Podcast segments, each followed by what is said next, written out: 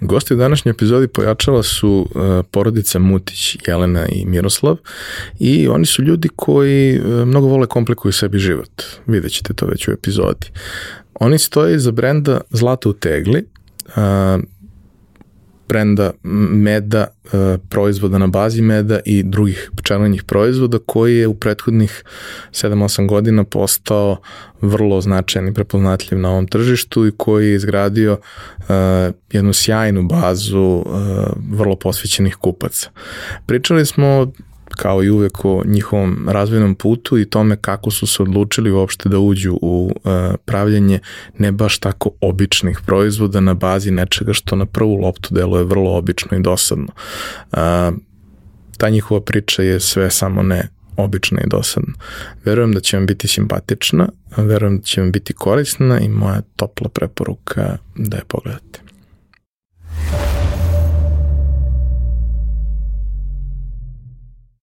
Realizaciju ove epizode podržala je kompanija Epson, koja je vodeći proizvođač projektora i štampača za sve namene, od kućne i kancelarijske upotrebe do profesionalnih uređaja koji se koriste od maloprodaje do industrijske proizvodnje. Već 20 godina u nizu proizvode najbolje projektore na svetu, a prvi štampač napravili su pre više od 50 godina.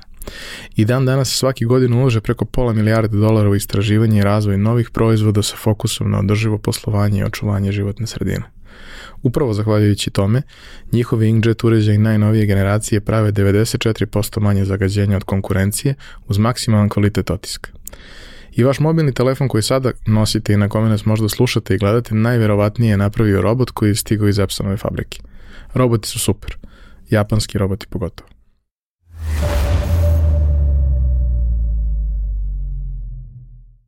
Za slučaj da želite da nas podržite vi individualno, uh, možete da posetite link u opisu podcasta na platformi Buy Me a Coffee i tu možete kupiti mesečnu pretplatu ili jednokratno donirati neki jednost koji želite. Hvala vam unapred na tom.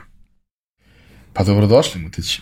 ovaj, vi ste od nekog samog starta uh, uključeni u ovu priču, bili ste i na prvom pojačalo druženju, tad je bila uh, aktuelna tema sa, sa projektom Super Srbija u kome ste vi učestvovali i pobedili. Ovaj, a mi smo imali neki lep, dobar odnos sa, sa ljudima koji su ga radili ovaj, hteli smo da prosto damo neki dodatni prostor tome. U tom trenutku smo se nadali kao i oni da će, da će se projekat nastaviti i kroz naredne sezone. Ispostavilo se da, da nažalost za sada neće, vidjet ćemo šta će biti dalje, ali Bili ste ovaj, na, na, na, ja mislim, prvom pojačalo druženju, ispričali svoju priču, mi se znamo i od ranije iz, iz projekta moja firma i moj glavni motiv uh, što sam vas zvao da pričate je što nema mnogo lepih malih porodičnih biznisa i brendova uh, koji su na jedan zdrav, normalan uh, način nastali i porasli i razvijali se u skladu sa nekakvim svojim vrednostima i što je isto, mislim, vrlo važno, u skladu sa svojim mogućnostima. Dakle, nije bilo mnogo preskakanja nekih koraka koji su tu u, u tom procesu, koji su, koji su uvek zahtjevni. Od trenutka kad smo se prvi put upoznali i videli, vi ste već tada imali lepo sklopljene proizvode, simpatično spakovane i tako dalje, ali umeđu vremenu uh, je to sve mnogo napredovalo i vi ste napravili neke sjajne stvari i prosto ovaj, želim da ispričamo celu tu priču i približimo ljudima to da e, postoji i taj način da se, da se neka porodična priča razvija prvo kao nekakav part-time, ne hobi, ali neka aktivnost koja ne zauzima puno, puno radno vreme, a da onda može lagano nekim, nekim zdravim tempom da preraste u, u, u nešto što je dobro. Uh, vi ste uh, predstavnici uh, brenda Zlato u tegli, koji mi je posebno bio simpatičan i zbog naziva, i zbog logoa, i zbog svega zaista. U tom nekom periodu dosta ljudi je krenulo da eksperimentiše sa, sa medom kao, kao proizvodom, ali vi ste bili među prvima koji ste napravili od toga čitav jedan portfolio proizvoda koji je, koji je bio uh, i tada veoma interesantan i danas je i umeđu vremenu i unapređivan nekoliko puta. E sad, pošto sam ja dao ovaj dosta dugačak i kompleksan uvod, kao što često me uhvati da to krenem, pa ovaj, dobrodošli i uh, naravno Mančmelo pitanje za oboje, šta ste hteli da budete kad porastete? Ti prvi, pošto si našao ovde da mi se smeješ.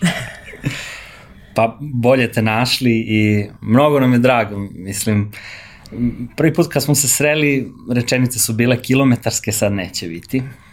Pa što, sa podcast je takav format. ono smo mogli da prekrojimo, ovo ne može. Ja, ja, ja mislim da volim ovaj, oboje umemo, umemo da pričamo bez tačke, ima to smisla, samo nas treba slušati. Znači, bolje te našli, hoćeš da se zahvališ za poziv. Hoću. Da. I hvala, bolje te našli. Ivane, drago nam je što smo ovde kod tebe. Slobodno možeš ti sad da nastaviš dalje. Hoću. E, pokušali smo da, naravno, pratići pojačalo, pokušali smo da a, malo da razmislimo šta bismo mogli da kažemo, to je da se vratimo u moment kad smo prvi put pomislili u životu šta bismo mi to mogli da budemo kad porastemo, odnosno šta je ono što nas e, što nas tako lepi, interesuje. E, mene su, meni inspiracija bio otac u celoj priči i e, naravno prvo sam se zalepio za njegove hobije, pošto Ćale i uh, ceo život lovi i peca. Uh, to je tako jedna misa išla u tom pravcu. Naravno, išao sam s njim u lov koliko je to bilo izvodljivo. Ovaj, prvo te povede par puta, pa onda više neće te voditi, zašto vi znam da nije bezbedno, tako to više je bilo suza oko toga nego, nego neko inspe, neke inspiracije.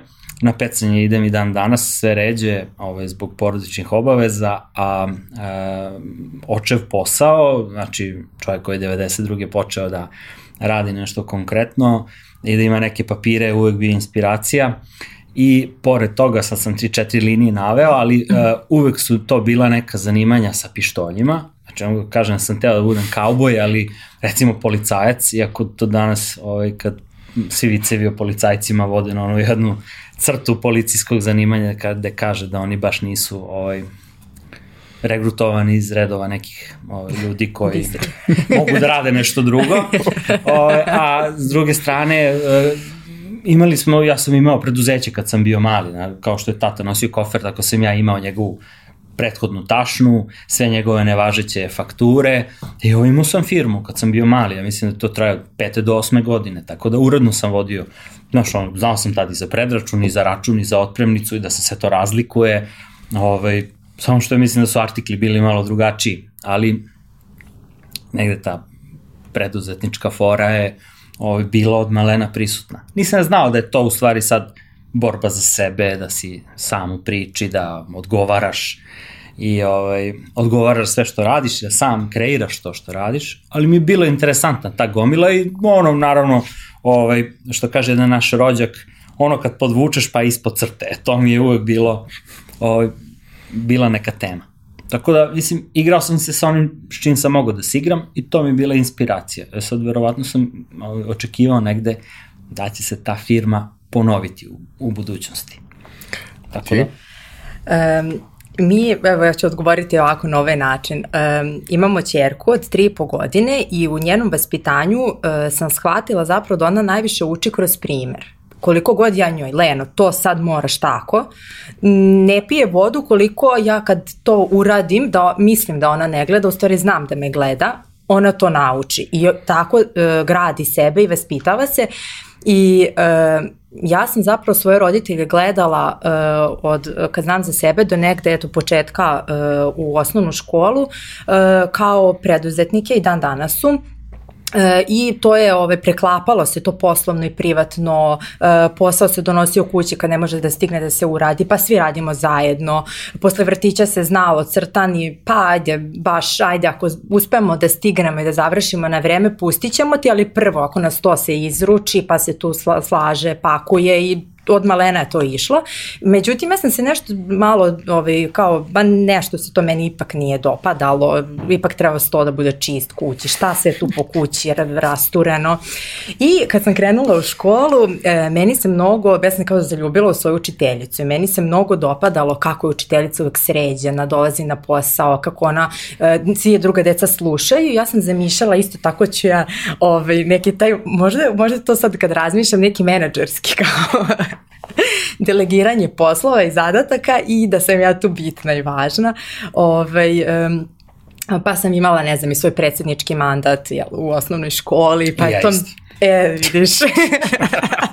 I to su sve neki znaci, sigurna sam sad ovaj, kad razmislim da je to ovaj, sve tako nekako išlo i razne tu neke privatne stvari, ovaj, razne ovaj, sporedne stvari van škole, što smo ove mi imali neke grupice, pa vođe grupice, pa ko šta radi, tako dalje. I to mene sve uvek privlačilo, ali nikad nisam znala u stvari da konkretno sad kao šta bih bila. Međutim, kad sam upisala srednju školu, već ta, ta želja za učiteljicom me je prošla, ovaj, ali sam se tražila. Nisam tačno znala uh, pa skoro dok evo nismo postali preduzetnici stvarno da, da mi je to put jer um, Ajde sad da se nadovežem na formalno. Da samo, samo Novak Đoković znao od malena šta će da bude, ostali, ostali da, ne. Ostali se da pronaći, da, da, da, normalno da je, sigurno, ali evo nadovezat ću sad na ostatak da formalnog da obrazovanja. Da znači, moje taj uh, problem možda bio izazov, već kako ljudi vole da kažu, kao ma ne, nije problem, to je izazov. E, ovaj, e, ja sam, e, znači, završila srednju ekonomsku školu, završila ekonomski fakultet i ja sam bila ubeđena prosto da li to tako da te struka navede, ti ćeš da se baviš time što si završio i ideš u firmu, neku veliku korporaciju i radit ćeš. I ja sam, mene to vodilo, stvarno, znači to sam želela maksimalno. Ali kao sa strane smo mi uvek nešto radili privatno, ma to nešto bez veze, kao to je uvek nešto to, sporedno. To su želeli kad su ti rekli da ćeš da ideš na fakultet, pa ćeš da ideš u firmu i da radiš. Tako je, to tako je, to su želeli, za to su te regrutovali. S druge strane, oni koji su te podizali, isto koji u mom slučaju, su želeli da ti na trpezarijskom stolu radiš to što radiš i da možda nema prostora za Naravno, mislim, onaj ko je bio malo slobodniji, mislim da je imao vremene da igra klikere. Ali onaj ko nije dobio tu slobodu, da. je morao da odradi to što se radi, pa ako se stigne, naravno iza toga pitanje da li je baš bilo vremena za bilo šta drugo. Pa. Tako da ja kažem, mogu u naše ime da kažem zašto mi nismo želeli uh, prinčeve kao bojice, princeze i balerine. Prosto da ili si mogao da budeš policajac zato što si možda video nekog policajca, da svi smo gledali Nika Slotera, ta, te, privatni detektiv. Naravno, to s pištoljem ili mm. I havajskom košuljom. Tako je. Ja sad da. imam havajske košulje, sve ostalo. Znam, mali ali revolver okay. nemaš, da. Pa, o, eto, s te strane tako. I ovo isto da si se tražila kasnije u, u okviru u, u kojima da. si bila, a neko drugih hteo da ti Da. Dosta sam se tražila, e, više e, psihički, iako u meni, onako duboko u meni, da li je to stvarno ono što želim, iako smo to skoro radili e, i to je već počeo, brend je počeo da živi, ali sam se i dalje pitala dok mi je sve vreme odgovor bio e, zapravo pred... E, Dok si se sretala sa svima onima koji su mislili da menadžerski posao i vođenje ljudi podrazumeva lečenje nekih svojih da. stvari koje treba da Čak sam se i realizaciju ideja i tako da znači jednoj, da. zavisi kakve si menadžere sretala toliko pa, brzo tu su ti se razvijale se. sporedne ideje. Da. Yes. Generalno taj moment koji, koji je presudan gotovo kod svih ljudi koji se u nekom trenutku opredale za preduzetništvo, a to bude stvar njihovog izbora, a ne neophodnost okolnosti u kojima su, je ta inicijativa da prosto imaju potrebu da nešto promene negde, kod sebe, kod onoga što se dešava, Znaš, kao, zašto si napravio takav i takav proizvod? Zato što ja volim takve proizvode, da nije ih bilo. Zašto si uzeo to? Zato što me nerviralo što se stvari ne dešavaju onako kako bi trebalo da se dešavaju, pošto neće niko drugi, onda sam uzelo pa napravio ja.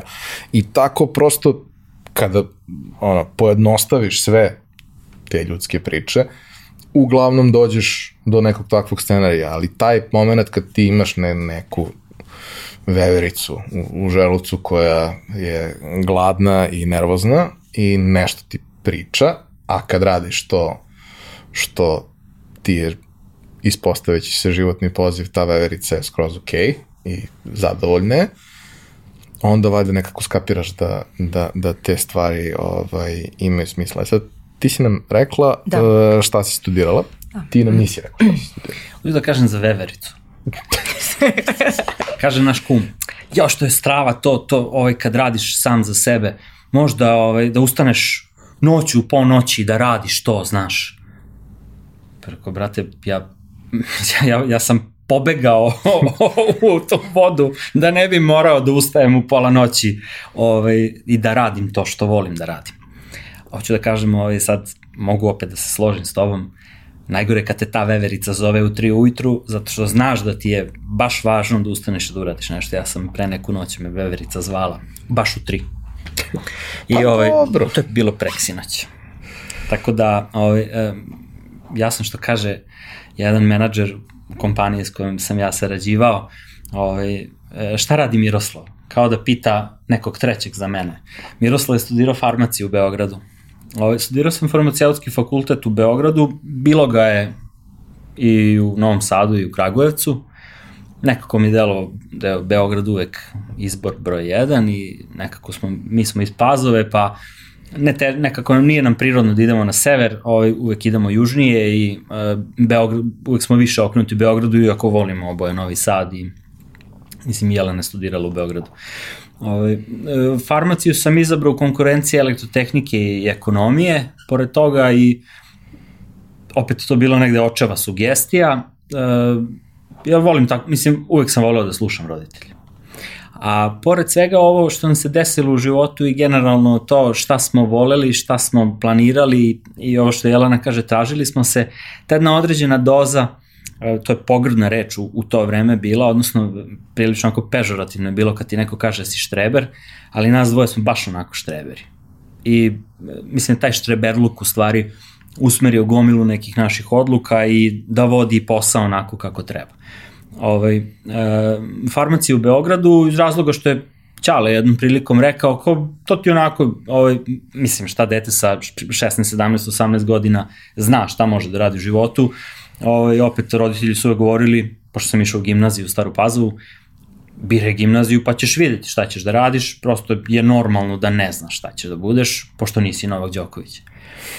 I onda uh, je negde farmacija bila opcija, onako neke lagane pripreme, neka hemija, prosto, uh, a kažem, sa ovog mesta da poručim svim budućim studentima, Bože kako čovjek upiše neke stvari i ne zna šta ga tamo čeka i ne zna šta će ga posle toga čekati, koliko u stvari o, mislim da, da je jako teško, u stvari čovjek jako teško može da zna koliko će mu se sviđati posao nakon, odnosno profesija nakon završenog fakulteta koji upisuje. Možda samo neka empatija kod lekara, ja mislim, inicijalno može da, da bude zadovoljna onim što čeka posle završene medicine, jer je to stvarno onako, prirodno moraš da budeš spreman da pomogneš drugim ljudima, pa kad te ta ovaj, ta odgovornost posle medicine sačeka da ti stvarno pomažeš nekom, onda možeš da budeš to satisfied onako 100%. E, ja nisam znao šta će me, očekiva, šta će me sačekati posle završenog farmaceutskog fakulteta, ali ovaj, sam uživao u toku studija zato što sam zelenog opredeljenja, to sam, ovaj, možda to sam spomenuo i u prošlim našim, pri, pri prošlim susretima. E, volim prirodu i hemija i sve što se, recimo na farmaciji se uči botanika, pa farmakognozija, to je nauka o biljnim drogama. Ljudi obično kad kažu droga misle opojna droga, droga je svaki biljni deo koji je upotrebljiv u neku svrhu. Uh, tako da ta znanja koje ti farmacija da, možda su onako, dosta su egzaktna i ko voli, ko ume da primeni, uh, može da bude interesantno. Na kraju će se ispostaviti da mnogo koriste u, u našem poslu. Ovaj,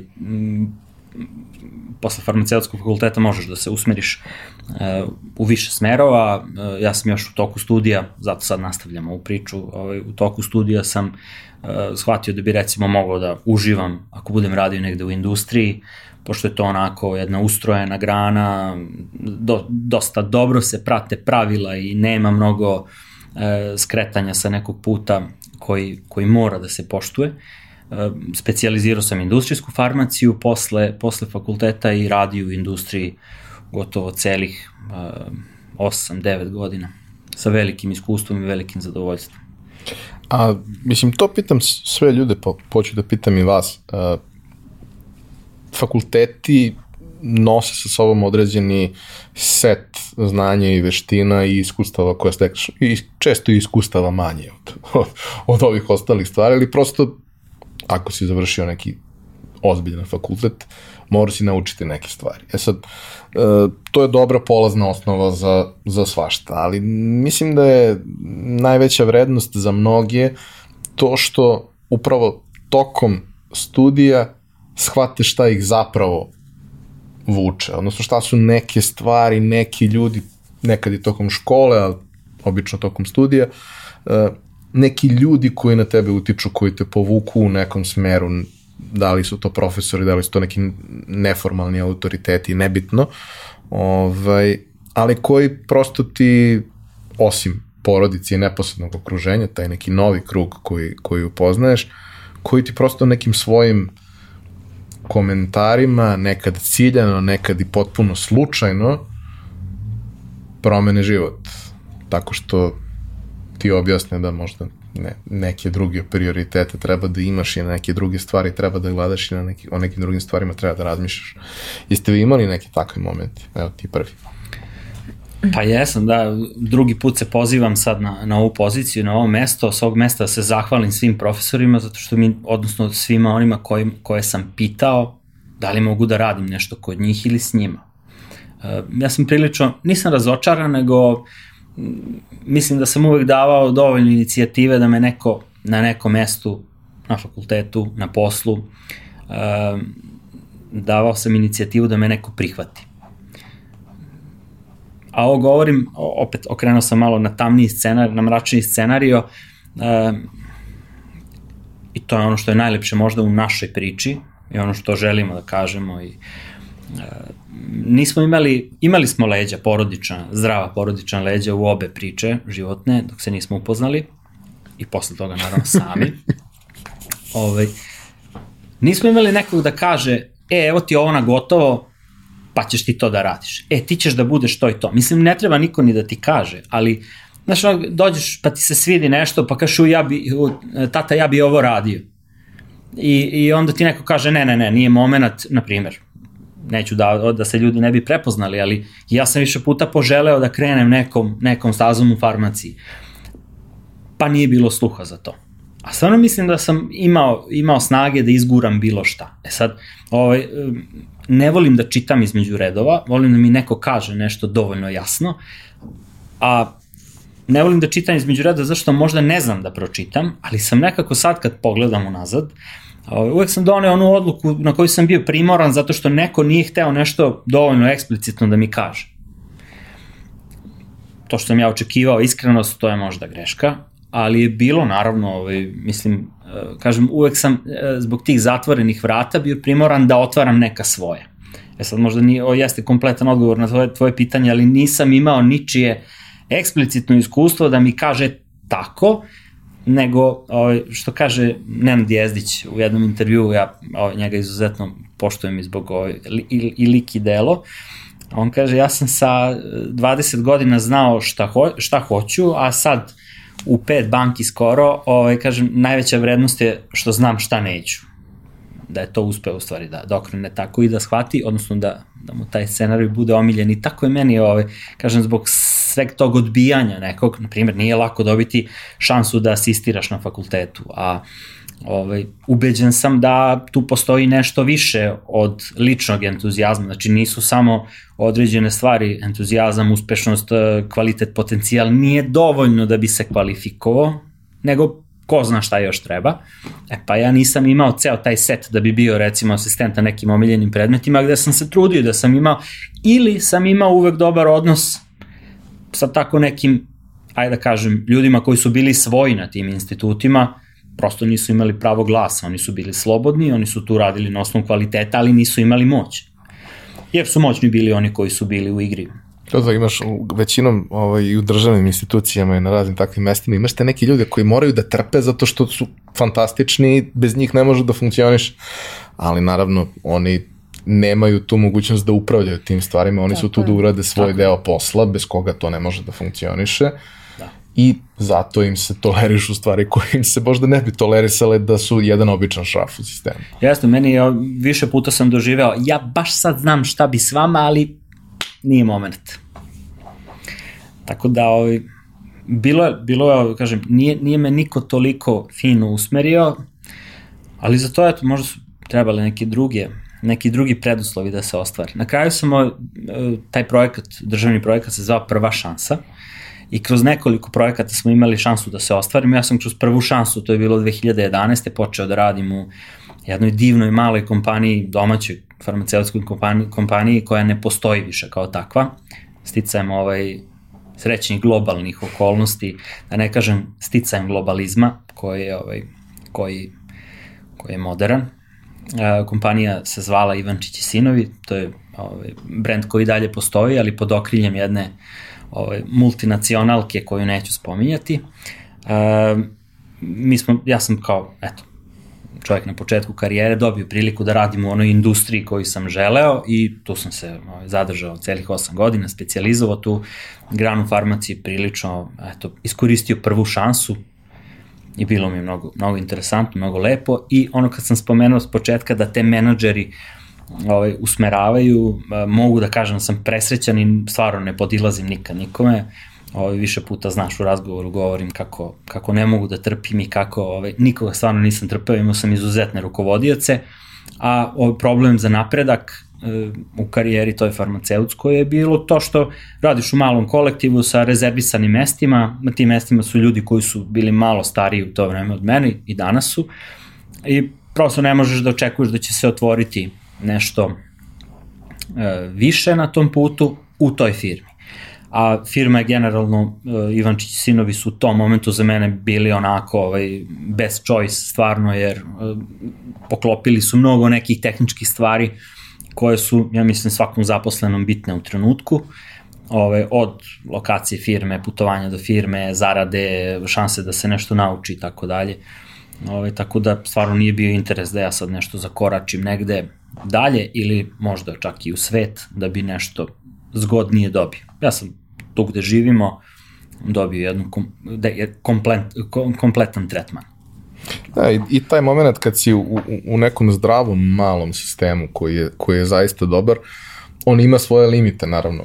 Nije kao velika korporacija u kojoj prosto ima mnogo nekih mesta na nekim stepenicama gde možeš da se popneš, ali ta, je, ta odluka koju doneseš da, da ostaneš deo zdravog sistema, da ne rizikuješ izlaskom u nešto gde ćeš možda imati bolje komercijalne uslove, da ćeš možda imati više prostora, ali je vrlo veliko pitanje u kakvom ćeš kolektivu da radiš i u kakvom timu ćeš da radiš. Ta odluka negde, mislim da, da, da, da dobro ovaj, e, pocrtava tu priču zašto danas razvijate svoju malu porodičnu firmu, jer to je ono zdrava priča u kojoj kontrolišeš celokupnu situaciju i na kraju dana ti jesi potpuno odgovoran za sve što radiš, ali ti se i pitaš kako će to da se radi i možeš da odlučiš da neke kompromise koje ne treba da praviš, ne praviš. To je razlika svakako, te odluke su prednost, naravno, te odluke koje donosimo sami za sebe, ali mana je ona veverica u tri ujutru. Mislim, to... Pa dobro, bolje kad je ovaj. tvoja veverica nego kad je tuđa. Tako je, tako je. Ja sam Teo sam ovo još da, da, da dodam, samo da zaključim. Stice okolnosti, ja sam, eto, ovaj, zato što znam da će ljudi koji mene poznaju, koji nas poznaju, e, sigurno pratiti, pojačalo je ovaj naš intervju, e, da kažem da možete onako, mislim, ja imam problem, imam problem sa suzama i sa emocijama, znam da su emocije ono nešto što u poslu na taj način ne treba da postoji, ali siguran sam da firma nije završila tako kako je završila, naravno, nigde nije objavljeno da, ovaj, da ta mala kompanija više ne postoji na taj način. E, ljudi koji su je ugasili, naravno nisu bili nekorektni i nisu rekli eto vi sad na ulicu, nego su rekli eto možete nastavite vaš posao, ali ne tu gde ste radili, nego 300 km, 200, 100, kako god, ovaj, na drugom mestu. E, sada opet na osnovu nekih informacija znam da se neki brendovi iz tog portfolija firme u kojoj sam radio, možda će se seliti čak na, na, na Bliski istok. Ovaj, tako da postojala je šansa verovatno da bude tu ovaj, nagoveštaje neke internacionalne karijere i to je uvek mogućnost. Htio sam da kažem da e, mislim da nikad taj posao ne bih ostavio. Zato što mi je bilo toliko lepo. Prosto to je bila jedna mala ušuškana, ovaj, pa to, mi smo bili porodica. Svi smo se znali u dušu, nije tu bilo nikakvog uljuljkivanja, mi smo stvarno s tog mesta, odnosno na mesto koje smo došli, pošto je postala i postoji danas koleginica e, koja je počela i kolega koji rade, koji su radili sa mnom od istog tog dana, 14. 4. 11. godine. Ovaj, e, mi smo učestvovali u, kako smo mi rasli, tako je firma rasla, odnosno mi smo rasli uz firmu i to je predivno jedno iskustvo i kad se na taj način vežeš ovaj, tu nema šanse da se, to se teško kida. Jedino može da pokida neko drugi ko što je pokidao. E, mi smo pred kraj 2017. godine, to je onako opet lep moment da ljudi čuju koliko je na nekom preduzetničkom putu koji nije imao, imao inspiraciju u roditeljskim aktivnostima. Znači roditelji su imali firme, imaju ih i danas koliko ta inspiracija bez neke materijalne potpore sigurne i čvrste, koliko može biti garant da ukoliko se dese neke stvari, a nama su se desile 2017. kada smo se upoznali sa tobom, ti si nam taličan onako po više pitanja, o, ovo ću sad spomenuti, ima neki drugi koje nećemo još uvek. Ovaj, 2017. za katolički Božić, 25.12 od generalnog menadžera kompanije koja je jedna velika uspešna evropska firma, dobijamo mail kako će se mali pogon jedne porodične firme koja je dokapitalizovan, to se tako moderno kaže, ovaj, da će taj pogon biti kroz narednih šest meseci uspešno ugašen.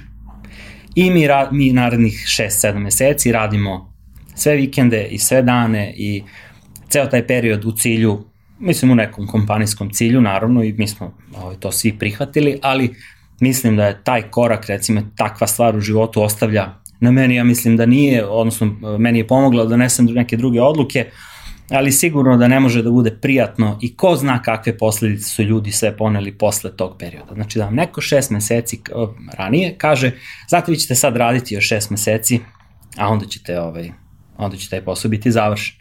Pogotovo što je vreme bilo izuzetno teško, to ovaj, mislim kao i danas. Nije bilo korone, ali kada vam neko kaže da ćete raditi još malo, onda toga više neće biti, a pritom je ta firma bila jedna od najboljih u našoj opštini, koja je inače najbolja opština u Srbiji, opština Stara Pazova, ovaj, sigurno ne može da vam bude lako.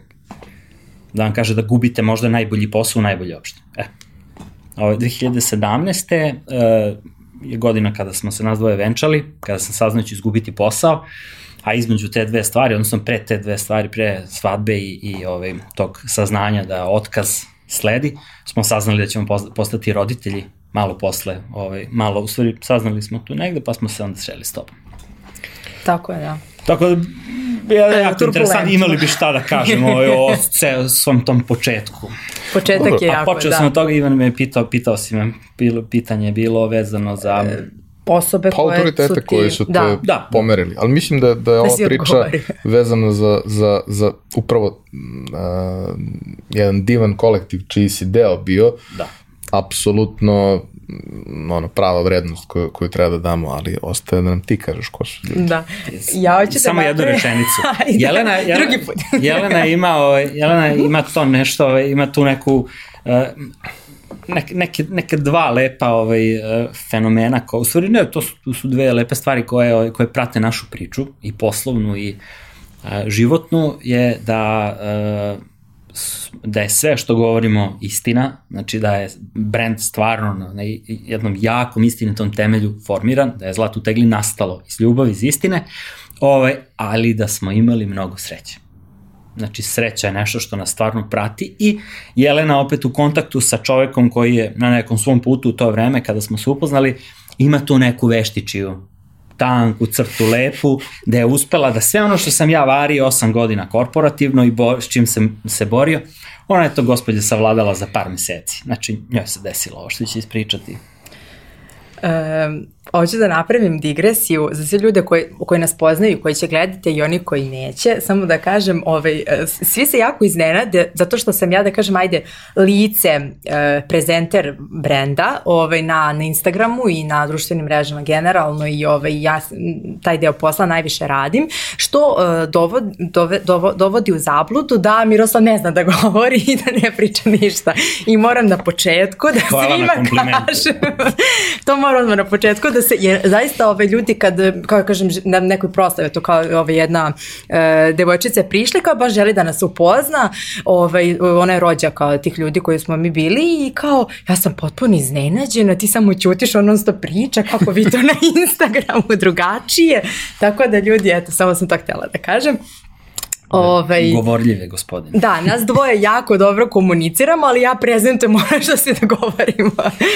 ovaj, da. da. E, autoriteti i da, korporacije. E, ja sam, tačno, upravo tako, osam meseci sam radila u e, jednoj kompaniji, korporaciji u našem bliskom, bližom okruženju i shvatila sve ono što je Miroslav Za koju takođe kruži priča da je firma sa e, možda najvećim finansijskom snagom. Da na tom terenu. Hoću da kažem, e, da, da, dragi budući nije. preduzetnici, kako, kako, kako nekada renome ume da uljuljka da. ljude, ja sam mislio da nekada naziv firme govori o njenoj snazi, kad kažete u farmaciji recimo mm. Janssen Cilag, mislite to neka I to neko đule od 300 tona koje sad tu padne i lupi i kaže ja sam Jansen Cilak Ali u stvari. Zapravo, zapravo mislim Tako da, da e, firmi svaka čast i direktorima i vlasnicima svaka čast, ali mi nismo u stvari bili ti, e, ti karakteri i te, te osobe koje su mogle da se e, korporiraju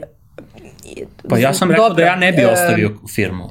Firma je ostavila ali malu. Malu, malu, da. pa i ovo je mala. Dobro, nije, no, dalje, slobodno Ajde, priča. da kažem negde da, ono, u suštini... Rekla si mi, ne, ni, ja imam a, a znaš kako, vi što ti nikad skoro nisam pitala, kao sad ja, da li uh, kada bi uh, znao šta ćeš sad, sad u ovoj situaciji, da li bi sad uh, mogao i rekao da bi ostavio firmu? Znaš, da si imao podjednako, ovaj, a ne ono u momentu kada je zato u tegli bilo potpuno jedna želja. Pa javno intimno, ti znaš da ja ovaj, uh, imam, Verujem da imam da bi, određeni konsultantski uh, angažman. Da bi, u, u životu i znaš da sam skoro vagao jednu poslovnu ponudu koja je u farmaciji. Da. Što da ne? Znači samo je pitanje vremena. Ove, vremena u životu, u danu, jer e, ja sad, ja obožavam svoje tri sata koje, tri sata posle podne, ajde da kažem da Lena kad se vrati iz vrtića, je devojčica koja ima posle podne sa roditeljima, znači provodi vreme sa oba roditelja koji su kod kuće od momenta kad ona stigne kući. Znači, mi ne dolazimo u 7 sati sa posla iz Beograda kao većina nekih naših poznanika. Tako da, e, mislim da bi me samo radno vreme koje je bilo i dvokratno i ovako onako, da, da bi me neke, ajde da kažem, tehničke stvari gurnule iz posla. Da možda nešto ne bi mogao tehnički da izdržim. Pa dobro, okej. Okay. A ti si opet, ja kažem, teo... proživela kratak period u da. maloj firmi, da si se srela sa gomilom nekih finih ljudskih osobina, ovaj, kažem, opet ne znam se o kojoj firmi govori, gde vlasnik jedne uspešne firme uopšte nije prisutan, kao što ja mislim da svaki vlasnik ne treba toliko da bude prisutan, treba da bude isključen do neke određene mere, odnosno gleda svoje posla, da firmu vodi direktor koji ima veće ovlašćenja, odnosno koja prevazilaze neke okvire jednog ovaj, generalnog direktora u smislu da je taj čovek vedri oblači u toj firmi u kojoj on, ona ovaj, radila i postoja konkretan nadređeni njoj koji je izuzetno jedan ovaj, gospodin iz neke branše koja nije iz struke, to je kad, kad recimo u mesarskom zanatu sretnete nekog koji kaže pa da on je, ovaj, on je bio oficir u prethodnom životu i sad je uspešan u tome. Hoću da kažem kao što su negde, nekad inženjeri odlični menadžeri, kao što se obično, ili ljudi sa mašinskim fakultetom vrlo uspešni menadžeri, ljudi iz tehničkih znanja, ti to najbolje možda osjećaš, da ovaj, ljudi koji su dobro usmereni rade odlično neke druge poslove. Mislim se Jelena u kratkom periodu nagledala, naslušala i nauživala nekih Sve, odličnih da. stvari koji su pomogli da Znači ja posle 8 godina ne bi doneo odluku koju ona donela posle 6 meseci rekla doviđenja prijatno, vama hvala stvarno, ja sam videla, naučila sve što treba, pritom pokazala da ovaj, da ume da radi i doživjela neke stvari koje možda nisu, ovaj, što kažu, pravda do kraja ali su isto tako ovaj, sa neke te druge strane pomogli da se nas dvoje usmerimo ka Dobro, kao onome što živimo ubrzalo sad. proces tog saznanja šta želiš, a šta ne želiš da. u životu. I mno, e, mnogi e, sa kojima smo razgovarali i prijatelji, e, svi su mi govorili pričamo o periodu nakon, znači mog e, porodiljskog odsustva, gde sam ja rekla želim da probam, želim da odem da, da, da probam da radim kao negde drugde, e, gde e, su svi mi rekli što, kao šta će ti, nemaš potrebe ti da ideš uopšte, ali e, valjda ovaj, u čoveku je to nešto dok sam ne osetiš i sam da stvarno shvatiš e, konačno, ne može da, sreća što nije trajalo dugo i sreća kad sam izašla odatle e, sa mnogo još više neko, neke energije i, i, i neke poletnosti sam konačno prigl, prigrlila to sve i shvatila konačno ako kao e, identifikovala se što mi je trebalo, zaista mi je trebalo da se malo kao ovaj, pronađe. Ima je jedan moment koji, sa kojim se susrećemo u životu često, bez obzira na to za koji životni put se opredelimo, ali kao kad nisi siguran da li nešto treba da radiš ili ne treba da radiš, bilo da je u pitanju veza, posao, šta god, i desi se da se to završi ako osjećaš olakšanje, verovatno jako. nije trebalo da budeš deo toga. Da. Ja, Ili recimo, ne znam, ako, ako osjećaš olakšanje kad prodaš auto, verovatno nije trebalo da voziš taj auto. Evo. Ovaj, to su prosto neke stvari gde kao ne možeš ti, mislim, nije to stvari toga da li si ti iskren prema sebi. Jednostavno ne znaš kakve će to efekte da ima do trenutka dok se ne desi i pošto nisi siguran, teško ti je da napraviš taj iskorak jer je on rizičan. Kad se desi da dogura do toga da ili se ili priroda uradi svoje pa donese odluku za tebe ili ti sam prelomiš kad vidiš koje to posledice ima onda negde shvatiš i vremenom kao kapiram da iz takvih stvari svi mi naučimo da malo bolje prepoznajemo šta u životu želimo, a šta ne želimo. Jeste Ivane, s tim da ja mislim Kao da, da bežimo od odgovora ovaj, koji me čeka za autoritet, to nisam odgovorila ajde, za ajde, osobe. Da. Čisto rekao da, važno, važno, da, da, da. da, da ne bude da ovaj, nešto ne želim da odgovorim. Uh, znači, um, nikad to nisu bili toliko ni nastavnici ni profesori, u mom slučaju, E, kao da sad e, ovaj, ponavljam tvoje, ali znaš i sam da jeste to tako, e, takođe roditelji. Možda smo tako vaspitani i odgajani u, da kažem, manju smo sredini, povezani smo dosta s roditeljima i to sve gde zaista je isto i u mom slučaju otac bio taj koji nam je pomagao da donosimo odluke, jer zaista kad upisuješ školu i um, vagaš i ne znaš, um, ja sam htjela da upišem iskreno i drugi neki fakultet koji uh, je dosta dalji, onda ne, sagledali smo ako ne, neke realne stvari, putovanje i tako dalje i uopšte prirodno koja meni nauka leži, što verovatno roditelji znaju u svom detetu pre nego samo dete, što ili ima zaista primjera gde dete zaista e, gura ove neku svoju priču do kraja, ali ja sam e, poslušala i nisam se, nisam se pokajala u tom smislu, tako da i dan danas su, e, su to negde ovaj, roditelji, iako opet, znači isto to moram da kažem, oni iako su preduzetnici, moja majka, znači ceo život zna kroz šta prolaze i nekad bude dobro, nekad manje dobro, nekad bude loše. E, dva, tri puta su, tako da kažem, e, čupali ovaj, e, finansijski firmu, dešavale su se neke promene. Sećam se 2008. kad je ovaj, kao izbila prva ekonomska kriza. kriza, da, tu je bio malo veći problem i tako dalje. ona mi je rekla, ne, nemoj, idi sad, kao nemaju preduzetnike, nikako, nemaju preduzetnike. Uh, I, ovaj, i, e, a ja sam ta, upravo ponavljam, osoba koja i volim da poslušam, ali volim i da vidim zašto mi to govori, zašto sada ovaj, Međutim, uspela sam nekako da ih ubedim svojim rezultatima i radom da je za sada dobro da što smo ovaj, tu, gde smo.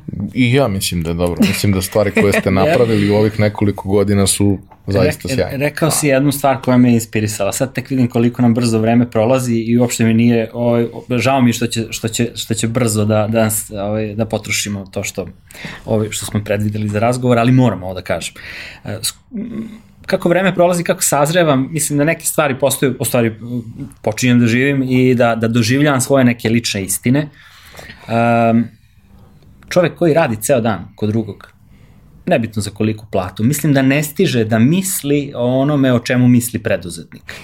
Ti si malo prepričao tipično preduzetnički onako, kako se rveš, kako, znači šamaramo vevericu non stop i, i s tim, s tim ako živiš svaki dan, daj bre čovjek koga, koga ovaj, inspirišu svaki dan da treba nešto da završi, da kasni, da nije dobro uradio pa ga vraćaju na početak pa ovako pa onako pa onda shvati da u prevozu gubi samo 3 sata do posla i ne viđa decu i tako dalje pitanje koliko stvari stiže da se bavi s tim, šta bi on konkretno mogao da, mi kažem, u našem okruženju vidimo ljude koji, kojima je drago što smo mi to što smo, u njihovim očima možda još veći verovatno nego što, što je realno, ovaj, zato što nas vole i žele nam sve dobro, ali e, mislim da ljudi ne stižu da se bave svojom karijerom zbog karijere.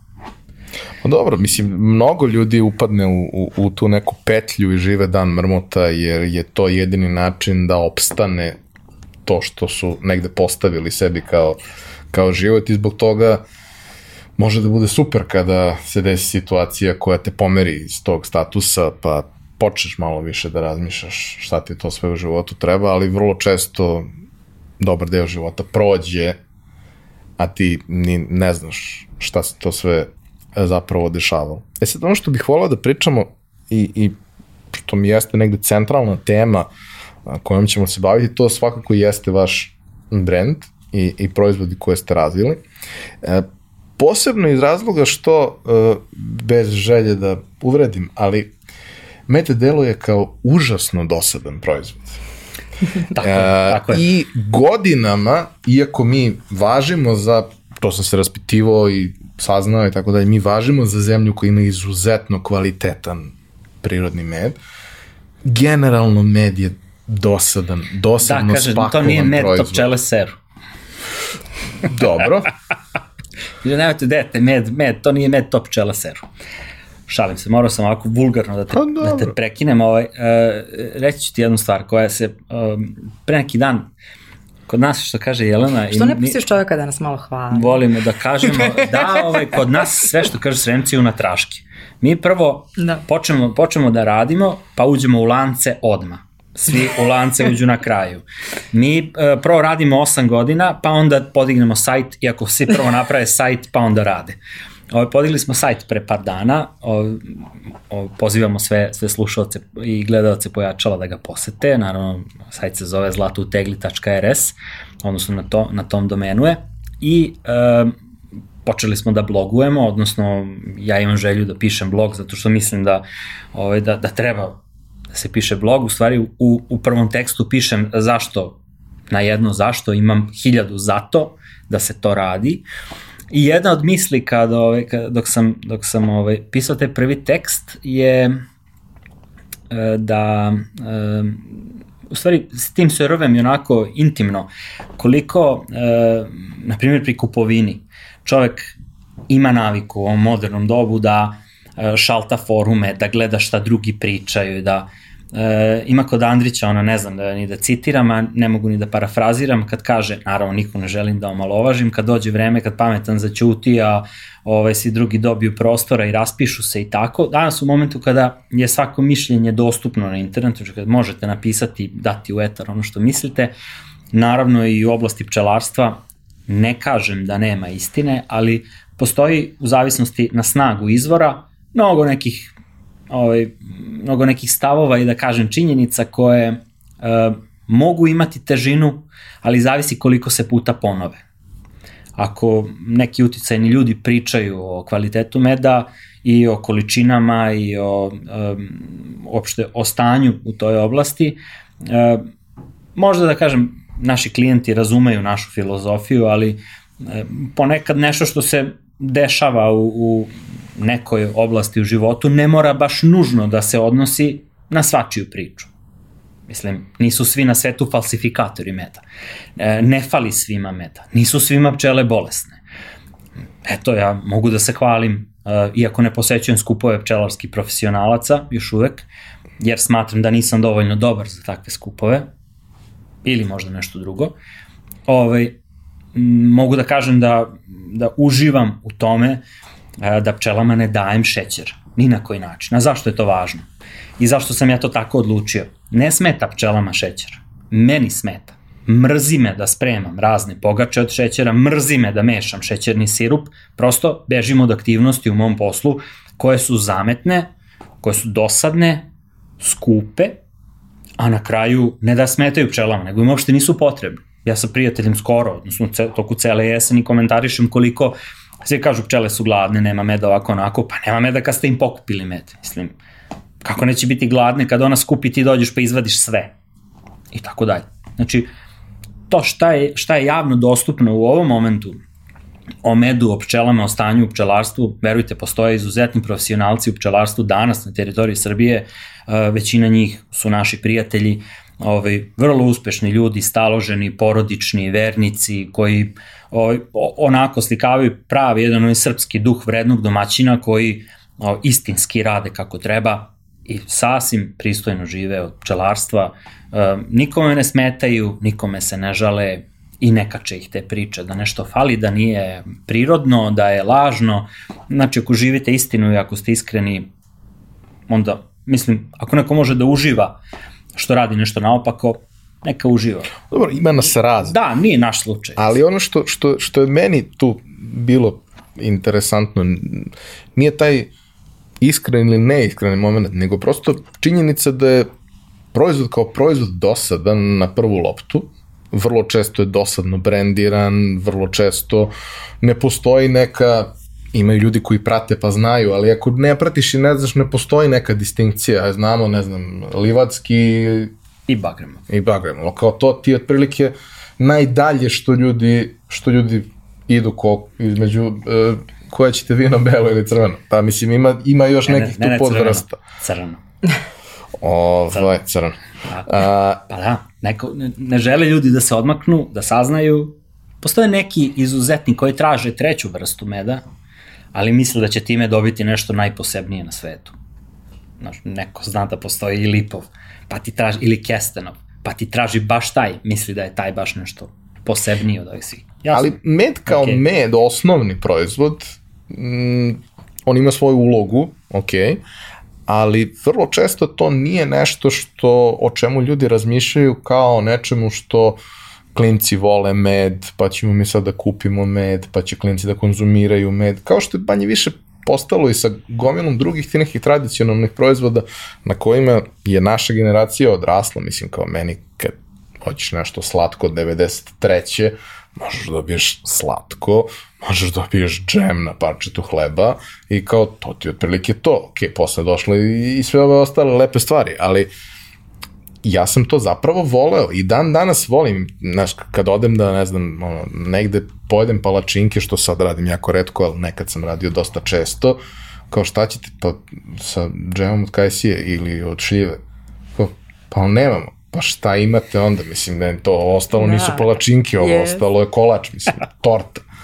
Uh, čini se da da, da je nekako u tom nekom periodu od poslednjih 15 godina došlo do nekog zasićenja i da je vrlo teško učiniti svoj proizvod interesantnim, atraktivnim i da se meni jako dopada način na koji ste vi to uradili. Zavi, e sad, kako? Zavisi ko radi to je lični pečat.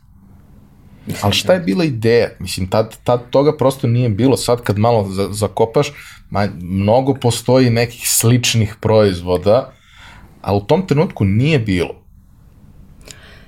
kako, zašto, odakle, što pobogu čoveče. Može kao lakše pitanje za, za manju ocenu. pa mislim, bilo ne, ne, ne, mi je interesantno, znaš, došli smo i kao treba slikamo nešto, ja, brate, sad će slikamo sve teglice iste. Nisu iste, bre, svaka druge boje. da, da, da. Znaš, da, da banalizujemo yes. maksimalno, kao svaka drugi boje. Probam, ja volim probam crvene stvari. Možeš ti, Jelena, šta god hoćeš da kažeš. Ovaj, ti ćeš, ja, znam, ti ćeš dodati. Ja sam ovaj, strogo formalno posmatrano, 2005. godine odem da položim mensin test. I onda ti, Uroš Petrović, naš poznati književnik danas, u to vreme sekretar mense, kaže, vi samim tim što ste došli ovde po 90% ste položili test, ali ne zato što ste došli, nego prosto interesovanje za određenu oblast i ne, ne, neku ovakvu vrstu testiranja govori da pitanje koliko je Men's Insight u to vreme bio vidljiv. Znači, ljudi koji su u to vreme bili sposobni da pronađu nešto što ih zanima na taj način, već govori o njihovom, njihovoj mogućnosti da se fokusiraju, naravno, odvojiš vreme, novac u to vreme, ovaj, mislim, sve, sve to bilo specifično. Tako da, mislim da ta neka e, unutrašnja crta, da e, ni sam neki tehnički potencijal, e,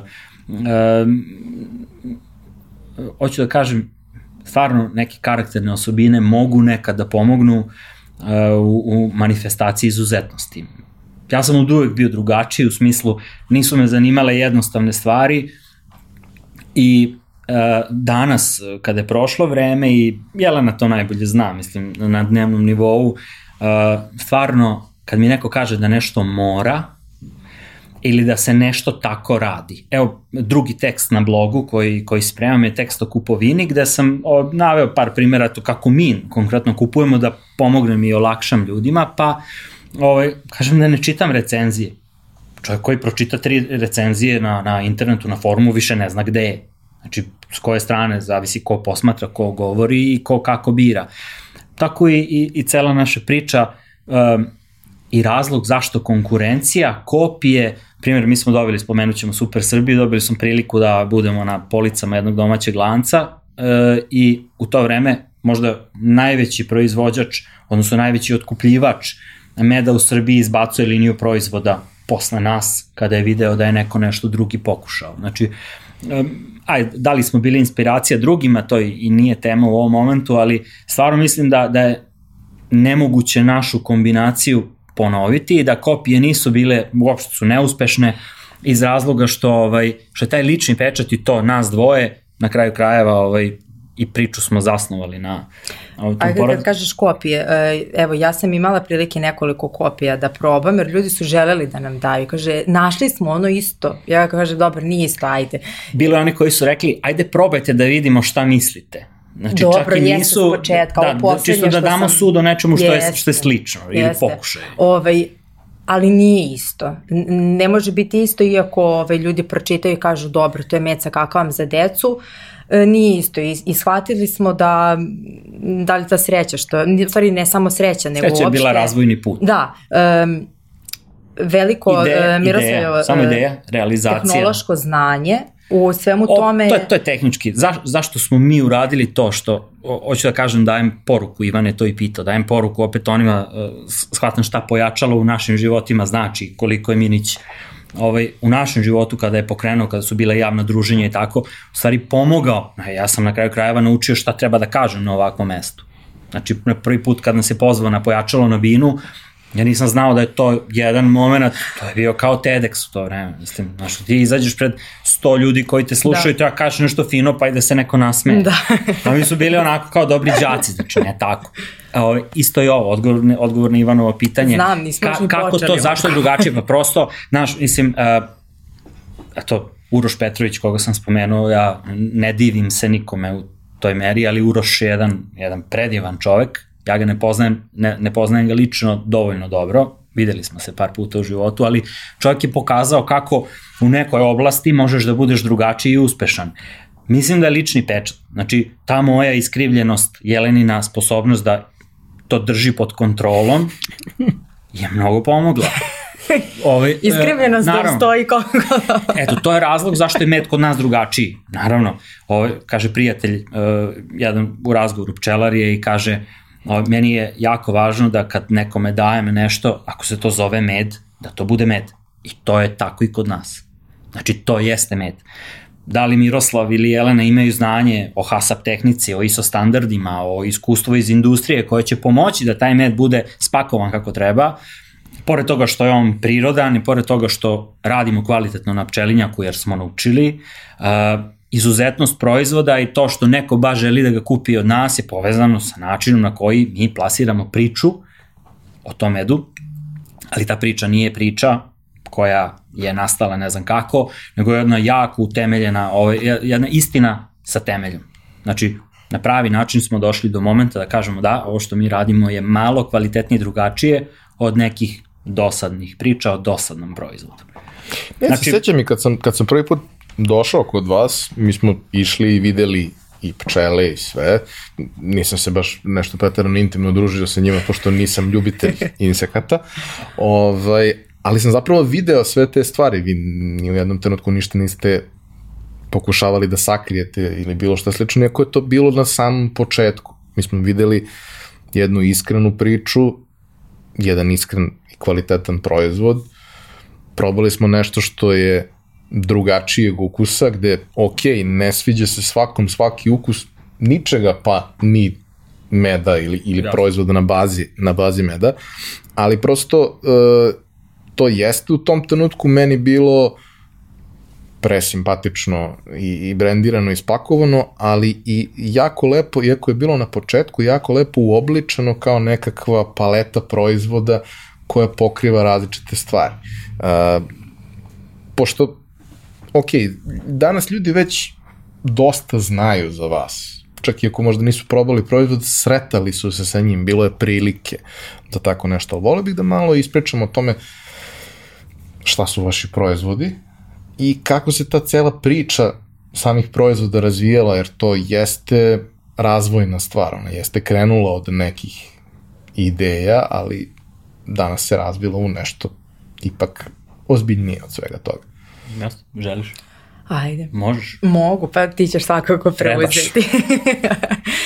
um, kako se razvijala i kako je nastala. Evo, krenut ću prvo od toga, pa samim tim pokrivam i šta onda obuhvata. E, e, jako e, spontano i e, konkretno nismo znali e, šta nam treba i šta očekujemo, ali upravo evo tu vevericu ću opet spomenuti, nešto, nešto se dešavalo, nešto nas je budilo. Ja sam, evo, sećam se tog momenta, imali smo prvu manifestaciju u Delta City pre Prvo, pet oktober, godina. 1. oktobra 2016. Tako da, Miroslav volje pamti datume. No, Ove, ovaj, ja sam još važno. studirala, evo ja sam još studirala i uh, ja sam veče pre, uh, pre, mi se pakujemo i spremamo se, inače ja sam organizovala, mi idemo na tu manifestaciju. Miroslav kaže, pa, jel moramo? Moramo pa šta ćemo kao mi na, ja kažem treba, ne znam, treba da, ja ne znam. Ovo je godina u kojoj ćemo početi ja mo, da to kažem, radimo. Da. moramo da idemo već jednom, da izađemo iz ove kuće, konačno da izađemo među ljude, znači moramo. Vreme, da. I ja to njega ubeđujem, kao i pričat ćemo o većini ključnih odluka za ubeđivanje Miroslava ja da krenemo. u firmi koja razvija proizvod. Znači, mi smo imali rutinu da jednom, dva puta godišnje iskoči nešto novo. Da. I prosto to je punjenje podsvesti na kvalitetan način. Sigurno, znači, a ja ceo život tako, gledam... Rod, mi tako radimo i danas. Gledam roditelji isto tako koji ove potpuno neke druge proizvode prave. E, stalno pamtim tu sliku tatinu koju on e, stavlja te proizvod, meri ga, računa koliko košta, koliko je trošio materijala, koliko će to sve i stalno isto to nešto novo, nešto treba ovaj tržištu novo i ja e, kažem e, napravit ćemo, e, ok, ponećemo naš livetski med, to sve, e, napravit ćemo med sa kakaom. I sad ja kako sam to izgovorila, to je bio uh, prvi, prva mešavina, kao šta će nam med sa kakaom, svako može napraviti med sa kakaom, ne razumem te, kao šta će nam.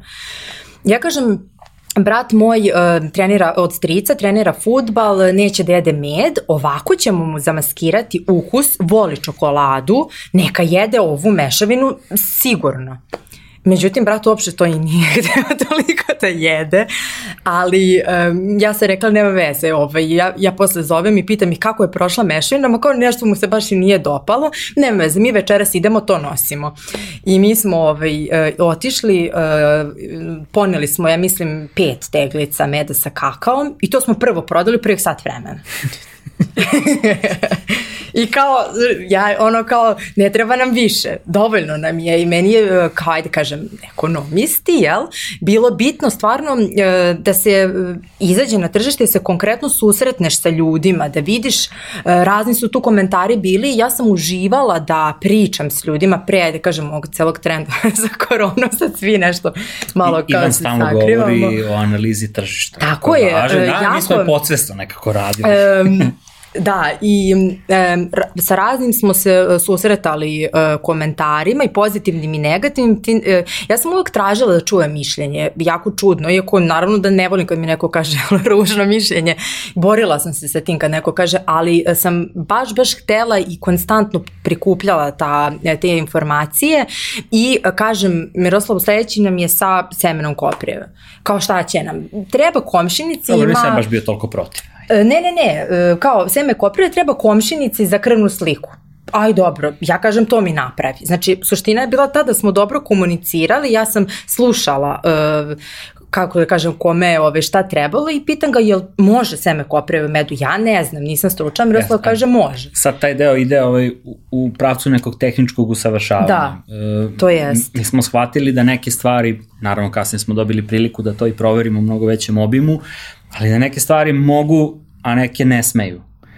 I krećući se tom linijom kako može, došli smo na neki portfolio koji ima... Jeste, bilo je nekoliko ukusa koje nismo Tako je, da, nastavili. I, I ne samo to, nego na koji način da ovo što sada postoji, kažem, ovaj, e, sarađivali smo i sa, sa jednom od firmi koja, u kojoj, ovaj, u kojoj ti učestvuš, odnosno koju si pokrenuo, moja pijaca, je jedna od prvih imala ovaj, posle našeg poznanstva ovaj, 2017. godine imala priliku da ponudi na tržište te proizvode i prosto e, tu smo počeli da učimo šta su mane naših proizvoda i naravno kad pet godina vežbaš kako da nešto usavršiš, to na kraju, ovaj, mislim, ako nešto mora da stoji u frižideru da bi bilo u lancu, možda nećeš dobiti priliku ili nećeš moći da platiš da ono bude u frižideru u lancu, pošto u frižideru zna se kakvi su uslovi da se ne, da nešto uđe u frižider u lancu, zahtevni finansijski jer je to izuzetno jedno posjećeno mesto, frižideri u velikim, ove, velikim radnjama. Hoću da kažem, mesto koje bi sigurno prodajno bilo interesantno, ali ovaj, možda nismo dobili priliku da na taj način ovaj, ko još jede med iz frižidera. Tako da mnoge stvari su nas, mnoge stvari tehnički su usmeravali razvoj proizvoda, ne bi, ove, ne bi trošio vreme na detalje zašto seme koprive mora da se meša u mešavini koja ima određene parcije različitih vrsta medova i tako, to je već na neki način know-how, ali uh, na, napravili smo priču koja, koja je tehnički zadovoljena ovaj, u ovom momentu 2021. koja je tehnički izuzetno, ovaj, izuzetno potkovana. Pa, znači napravili smo prvih nekih pet ukusa gde uh, je, uh, da kažem, napravljen lep presek sa Super Srbijom i onda to ovaj, uh, možemo, možemo kasnije pričati gde jeste negde ključna, uh, ključna ovaj, faza i ključno dešavanje u poslovnom tom uh, Tako celom svetu. I opet svetu. neko farmaceutsko znanje u smislu i iskustvo i kontakti u, u branši koja može da pomogne proizvodnju hrane. Um, opet da poručim konkurenciji s ovog mesta, e, imamo pristup nekim sirovinama koje su i količinama sirovina, koje su nekom malom proizvođaču možda koji nije farmaceut, nisu dohvatljive. Naprimer, e, neka etarska ulja mogu da se nabave na nekim mestima koje možda ne zna svaki civil, ali možda farmaceut zna. I onda na osnovu svih tih nekih oblasti kojima se krećemo, smo došli do, ovaj, mislim, e, danas u ovom momentu što se tiče recimo e, samog uzgoja pčela, e, koristimo samo organska sredstva za tretman krpelja, koji, gde, gde je potpuno moderno da se koriste neki, ovaj, neki drugi preparati, recimo, ali opet imamo šansu da pa nabavimo... Pa neka sredstva i sam praviš, znaš i imamo, da se, imamo priliku da nabavimo sirovine da. od kojih pravimo prave stvari. Lepo je, lepo je kad čovjek poznaje tehnologiju. Ja volim tako da pričam sa čudnim ljudima i videli smo ovde iz ovog do sada, iz manje više svih prethodnih epizoda, da većina mojih gosti voli sebi da komplikuje život. Pa, tako Jer može, može i jednostavno, a može onako Jesmo kako tako, treba. Tako mogućnost. da. ovaj, uh, taj, taj inicijalni pool proizvod, to je portfolio s kojim ste krenuli. Ta sreća a, koja se desila. Pet. Zbog Super Srbije. Jeste negde bio uh, prva stvar na koju ste krenuli da dobijate neki malo, malo masovniji feedback od ljudi.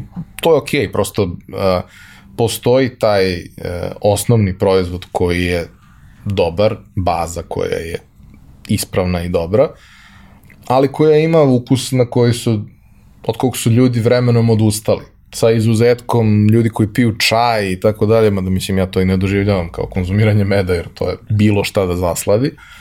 Ovaj, jednostavno kao to je, to je prestalo da, da bude deo neke navike. I posebno taj deo, zašto mislim da je jako važno što, što si ti ta koja komunicira sa ljudima, e, najvažniji deo publike koji želimo da se vrati su mlađi ljudi, ljudi koji sada imaju decu i deca, koja prosto negde treba da probaju da usvoje neke pa verujem dobre tradicionalne vrednosti na kojima smo odrasli, od kojih smo se prilično odmakli, jer mnogo je lakše da daš detetu neki komercijalni slatkiš, nego da Tako moraš da je. da se baviš nečim. Posebno ako dete naviknuto na taj ukus, koji možemo da pričamo je li dobar ili nije, ja volim sve te stvari, meni je mnogo teško da kažem da to nije dobro, nije zdravo, ali je ukusno. Uh, sada ti nađeš način što, što mi volimo da kažemo, nađeš način da doakaš detetu yeah. i da mu, yes. da mu podmetneš nešto što je za njega jako dobro, što će pritom uz Budi sve te kors. ukuse biti i, i, i, i nešto u što će se zaljubiti kao proizvod.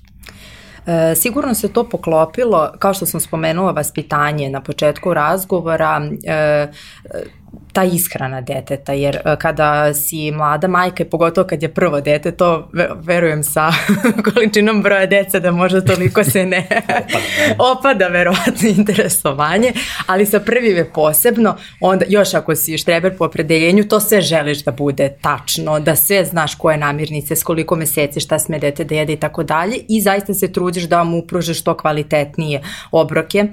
E, to je krenuli sa slatkišima i e, zaista ovaj, internet nam pruža mogućnost da i e, pročitamo razne stvari, da tu zaista bude veliki broj komentara ispod e, bilo kakvog e, teksta, dao si detetu slatkiš, nisi mu dao, ko, do koje godine sme, šta kaže Svetska zdravstvena organizacija? I shvatila sam da je to stvarno široki dijapazon raznih informacija i kao hajde da probam konkretno za decu, probam uh, konkretno za decu da, da vidimo da li mi možemo, da li Zlata u tegli može da ponudi slatkiš na bazi meda koji će... Odlično. Odlično, to, je, to, je. to jeste ključ. To jeste... Uh, mi, mi smo u stvari drugima plasirali nešto što smo sami svim srcem izabrali. A zašto je to tako? Opet vraćam se na pitanje kako ste vi došli do toga, pa prosto pra, tako pravimo izbore da mora biti najbolje i prosto nema kompromisa oko nekih stvari. Naprimer, nema kompromisa oko, oko nekih naivnih crtača na internetu. To je treća Lena, tema. da, Lena ima svoje vreme u kome gleda nešto i kada to vreme istekne, vreme je isteklo. Isto tako što se tiče slatkiša, nema navikavanja na neke stvari koje mi svi e, volimo, ali prosto... Opet, da kažem da iz, sve je probala i sve zna, nismo ove potpuno u tom, o tu otišli da, tu krajnost. Ne da zastranjujemo. Će otići nego... sad na rođendan i da neće znati, kao nikad nije probala tortu, nikad ne zna šta je, znači naravno da jede sve, ali uvek gledam da prvo bude dobar izbor, voće, voćka, nešto, eto da kažem, na bazi meda, neki ukus bilo koji, evo ona sad, mogu to da kažem, ima svoju neku dnevnu rutinu pre vrtića, E, svako jutro jede matični mleč i malinu, imamo tu kombinaciju za nju specijalnu jer hoće da voli rozu boju iako da trenutno su te dve varijante odvojene e, za nju smo eto povezali da bi da bi neće jede mleč znači da ja neće znamo beli, rodim mečku ro...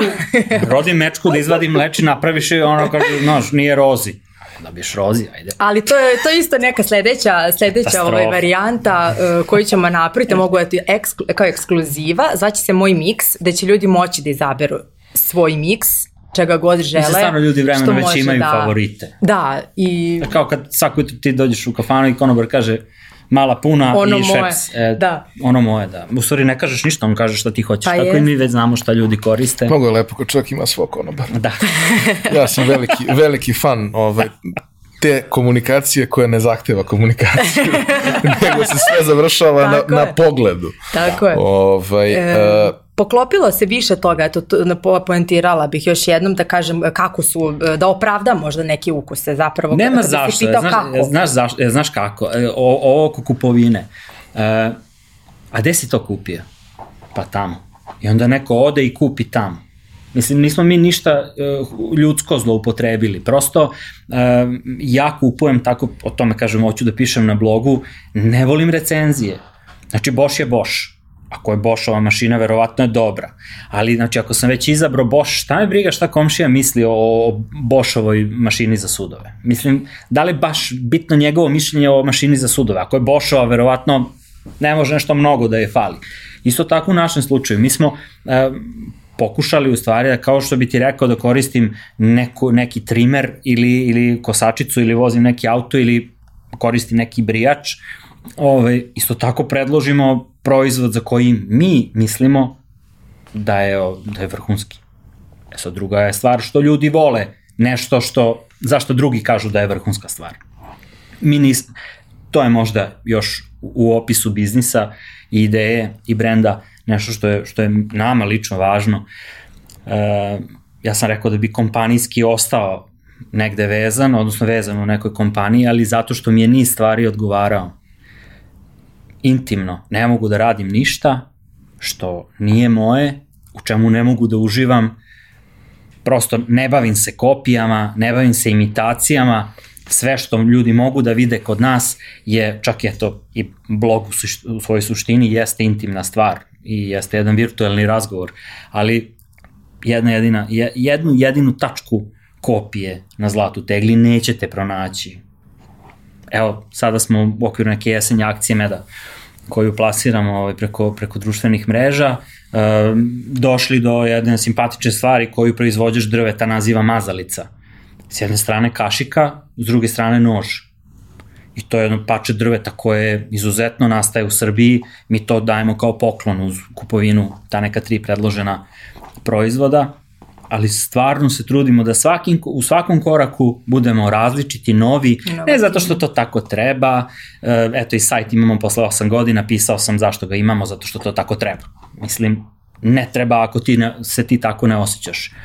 Radimo stvari u momentima onako kako bi, bi taj osjećaj neki unutrašnji u tom momentu rekao i radimo stvari zato što Jelena kaže da moraju da se radi.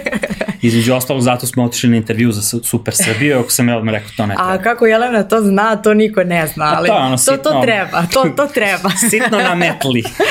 jeste, ovaj, više sam vremena potrošila na ubeđivanje, šalim se, nije to baš toliko, ali jeste bilo stvarno nekako smo spoj takav da je malo, malo ovaj... Gospodin je čudan. Ima svoj glas razuma. Super Srbija je... E, da, da spominjemo možemo. Pa da objasnimo ljudima gde živimo. Ovo, Super Srbija u Sloveniji traje šest sezona, kod nas je trajala jednu i ne traje više. Ovo, mi bi kroz Super Srbiju, to je jedan divan show, možda si hteo da, da, ovaj, da nas pitaš za, za Super Srbiju. Generalno dobili smo priliku da lansiramo ovaj brend u Vasionu i da naučimo neke stvari i tako. Ovaj, e, dobili smo poziv na intervju za Super Srbiju, to, je, to će biti televizijska emisija koja promoviše male brendove, proizvođače, da im apsolutnu podršku u razvoju, prisustvo na policama u značajnom domaćem lancu, potpuni razvoj, sve analize proizvoda, vizualni identitet i tako. I ovaj Jelena je morala da mi kaže, ovaj, da je intervju za 5 minuta ako hoću da skrenem tu desno, ba, baš smo se tada tu zatekli. Bili smo u Novom Beogradu, sticam okolnosti, dobili smo priliku da stignemo na vreme na intervju, da nismo stizali, ja mislim da bi ja rekao da, da ne treba da odemo.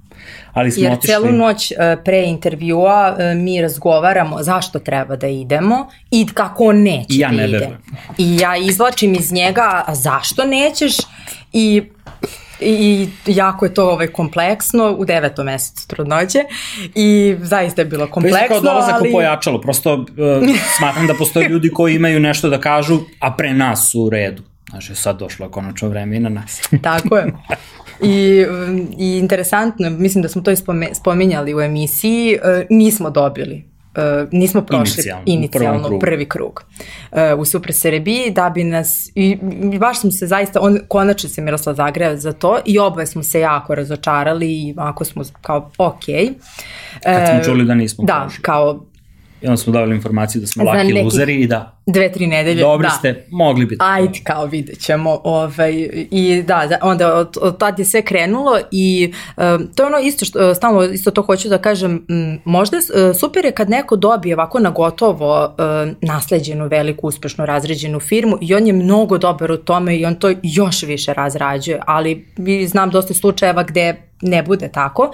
Kod nas je slučaj, uh, ja jako volim da zapnem i da zaista onako, ja, mi kad smo dobili tu drugu šansu, uh, oni su svi znali u, Merka, u ovaj, u tom projektu da sam ja svaki dan skoro sve njih zvala i svaki dan sam sve proveravala i uh, predala sam se potpuno, uh, ono zaista sam htela nekako da se, da se, u stvari kao i sve što radimo, nije samo konkretno bilo uh, taj slučaj, um, potrudili smo se, shvatili smo to ozbiljno i stvarno smo shvatili kao našu šansu. Pa da, u, uh, jer nisu svi učesnici isto shvatili. Inicijalno na razgovoru da bismo se plasirali u projekat, to što je trebalo je da se ispune neki uslovi i naravno neko se setio da, se, da ne kaže da je već negde ulistan. Znači, To jeste bio glavni... Ljudi su ispali, odnosno mi smo dobili priliku zato što je neko pokušao da slaže da ga nema nigde, a već je bio u priči u lancu. Ma dobro, bio sam ja ovaj, da. iza kulisa tog projekta, znam ja da. svašta što se dešavalo i generalno taj projekat je bio, mislim, prilično ozbiljno otrežnjenje za mnoge entuzijaste u oblasti malih proizvođača i zanatskih proizvođača, jer su shvatili da ono što ja sam mnogo puta rekao, moj dragi prijatelj Luka Pejović to najčešće čuje od mene, jer smo na nekoliko zajedničkih aktivnosti koje, koje uključuju te ljude. Brate, postoji razlog zašto je mali mali. Uh, u nekim slučajevima to je samo korak u razvoju koji je prosto stvar vremena. Potrebno je da prođe određeno vreme, da se desi taj rast koji treba da se desi. U nekom slučaju imaš i firme koje prosto ne žele da prerastu neke okvire, jer im odgovara da funkcionišu u takvoj postavci stvari, što je takođe ok, nemam, nemam problem sa tim. Mala porodična firma ne želi da bude veća, jer je to preveliko opterećenje, stres i sve ostalo, nama je super da radimo ovo, cool. Ali mnogo često postoji ta diskrepancija između očekivanja, mogućnosti i sposobnosti i mnogo često ljudi misle i prezentuju sebe mnogo većima nego što zapravo jesu, a onda kada treba da ispoštuju neke određene stvari, to se ne desi. Takav je slučaj bio i sa nekim učesnicima i na tom projektu i na gomili drugih projekata gde prosto uh, ok, uh, ti si možda navikao sa svojim komšijama sa kojima radiš da nije problem, ne možeš da stigneš danas pa ćeš sutra da isporučiš, ali ovo više nisu tvoje komšije. Ovde ne možeš da kasniš, ako okay. baš najaviš dovoljno napred, možda se neko sažali pa kaže ok, ali kao ne možeš kasniš dva meseca sa nečem što treba da isporučiš jer ne možeš tako da se ponašaš. U krajnjem slučaju, verovatno za neke od učesnika po prvi put u životu, imaš ugovor u kome piše da ne smeš to da radiš. Tako je. I da su posledice toga potencijalno katastrofalne za tebe. Naravno, mislim, prosto postavka je bila takva da nikome nije bio cilj da nanese zlo bilo kome od, od učesnika, ali činjenica je da se vrlo lako i brzo videlo ko je tu kapacitet za nešto više da li brzo ili kroz neko malo duže vreme, nije važno, ali ko, ko može, a ko je samo simpatičan. Tako je. I postoji, mislim, uvek ima ona srpska varijanta kad kažu, a da, oni su čuli da će tu da dobiju nešto, pa su došli samo da to uzmu i posle ih više nema. Ove, ovaj, ima i takvi slučajeva, da je neko možda teo part time samo nešto da odradi, mi nismo imali takve mm, inspiracije. Da Prosto, mi smo Nikad nismo prvom, to tako doživali. Pa na prvom sastanku sa ljudima iz, iz uh, lanca koji je prihvatio da preuzme sve ove proizvode preduzetnika koji učestvuju u Super Srbiji, smo sedeli u, u jednom onako povećem prostoru sa povećim brojem ljudi. Jako gde, stresno. Gde smo imali, meni je to bilo uobičajeno jer sam prethodno imao tada ovaj, E, angažman u, u firmi koja, koja je bilo normalno da sedimo i obrazlažemo nešto pred 30 e, različitih ljudi od kojih svako ima nešto baš specijalno da te pita jer zna da tu možeš da se oklizneš. Uh, mislim da on opet je odgovara na ono s početka, odnosno navešću to što je razlika, bez obzira šta nas dvoje prodajemo u našoj maloj porodičnoj firmi, mislim da je to ko radi posao jako važna komponenta. Znači, nema igre, i mi se nijednog momenta možda nismo imali sav potrebni inox u tom momentu, možda nismo imali paletar, možda nismo imali sve staklenke ili informaciju gde da ih kupimo, ali smo dobili i paletar, i prevoz, i vozilo s rampom, i staklenke, uh, i etikete. I, znači, da, konkretno evo što samo... si rekao za teglice, zamislili smo kakve trebaju, koja to treba da bude veličine. I ja kažem, e, ali mi ne znamo gde to, e, znači znamo, zamišljamo kako treba, imamo e, neku ideju, e, prosto ovaj, e, ispoštovat ćemo sve rokove, samo nam pomozite, dajte informaciju. I to je trajalo nekih nekoliko dana gde smo... Yes. E, bilo je raznih, zato raznih... Zato što sam tu, ja insistirao da to bude održivo prosto ako ćeš da pakuješ nešto što izlazi na raf u staklenku koji posle dva meseca više nećeš moći da, da kupiš, šta mi to radi? Jest. I naravno, mislim, znači bili smo svesni, svesni u što se upuštamo, kasnije se ovaj, uh, ispostavilo da su sve to ključevi uspeha na tom nekom putu. Šta vam je u tom celom projektu gde vi po prvi put možete da dođete u kontakt sa nekim većim brojem ljudi odjedno i kroz, da kažemo, prisustvo u medijima i kroz same aktivnosti koje su pratile projekat i kroz prisustvo u objektima prodajnim. Ove, šta su vam neke najveće vrednosti koje ste, koje ste iz tog projekta dobili? Ok, to jeste neka vrsta katapulta za, za biznis. Vi ste kao laki luzeri ušli i na kraju ste pobedili. Bili ste proglašeni za, za, za najbolji proizvod. To je posledica niza nekih stvari. Jedan od tih faktora jeste i prodaja i reakcija tržišta, ali nije samo stvar u tome, stvar je i u nekom vašem odnosu i prema partnerima i prema kupcima i prosto prateći šta su svi ljudi radili u tom periodu od tih nekoliko meseci, mene je oduševljavalo koliko se vi cimate oko svega toga. Jer je to lepo. Yes. To pokazuje da ti je stalo. Ali Ivane, mi se cimamo i dan danas. Ništa spor. Ceo dan i celu noć s vevericama i uh, pa to, mislim, Jelena će da odgovara, hoćeš da odgovoriš šta smo dobili najviše, ali kaži. Ajde, ti... vidim, za, zaukavaš se. Ne zaukavam se, nego, ovaj, ali Ivane, mi se cimamo. Prosto, ta, taki smo. To je diagnoza, jasno. Da, kažu sve više se sad to priča, kao, ja nisam tako, to je diagnoza i sad i za pčelare i za, ne znam, ovaj, za, za koje, koje kakve ovaj, slobodnjake. E, meni najinteresantnije prilika. To je ono što sam ti pričao od uh, ajde fakulteta, uh, poslovnog angažmana u struci, uh, prilika da, da realizuješ nešto što imaš. E, ja Meni sam to, taj to najznačajnije, isto... kažem, bez da omalovažim nešto što smo, to što si rekao, cela ta neka priča, podrška, na kraju krajeva i uspeh, e, prilika da, da radiš nešto svim srcem. Tako, tako e, da kažem, smo i nastavili. Bio mi jako važan. Ist, uh, ja, uh, projekat. Projekat. E, rekla sam projekat pa si ti imao ovaj. Dobro, projekat dobro. mi je bio jako važan uh, i, i ovo ponovo ću to reći uh, nešto u sebi što ti govori, nešto što osjećaš. Osjećala sam tu neku priliku i, i mnogo sam verovala u naše proizvode i jer sam znala šta smo napravili, šta imamo, ali jako mali krug to znao i nekako sam konačno videla priliku da, da će veći lju, lju, broj ljudi to saznati saznati i da ćemo dobiti informaciju kroz promet, kroz e, sve vas e, stručne koji ste bili uključeni u sve to i da ćemo stvarno konačno znati, to sam u jednom tvojoj emisiji čula, e, ne treba biti zaljubljen u proizvod na onaj pogrešan način. Jer ako ga samo ti voliš, a nikome se više ne sviđa, završava, idi nešto drugo. Znači, konačno nam je treba odgovor jel imamo nešto, jel jeste to to.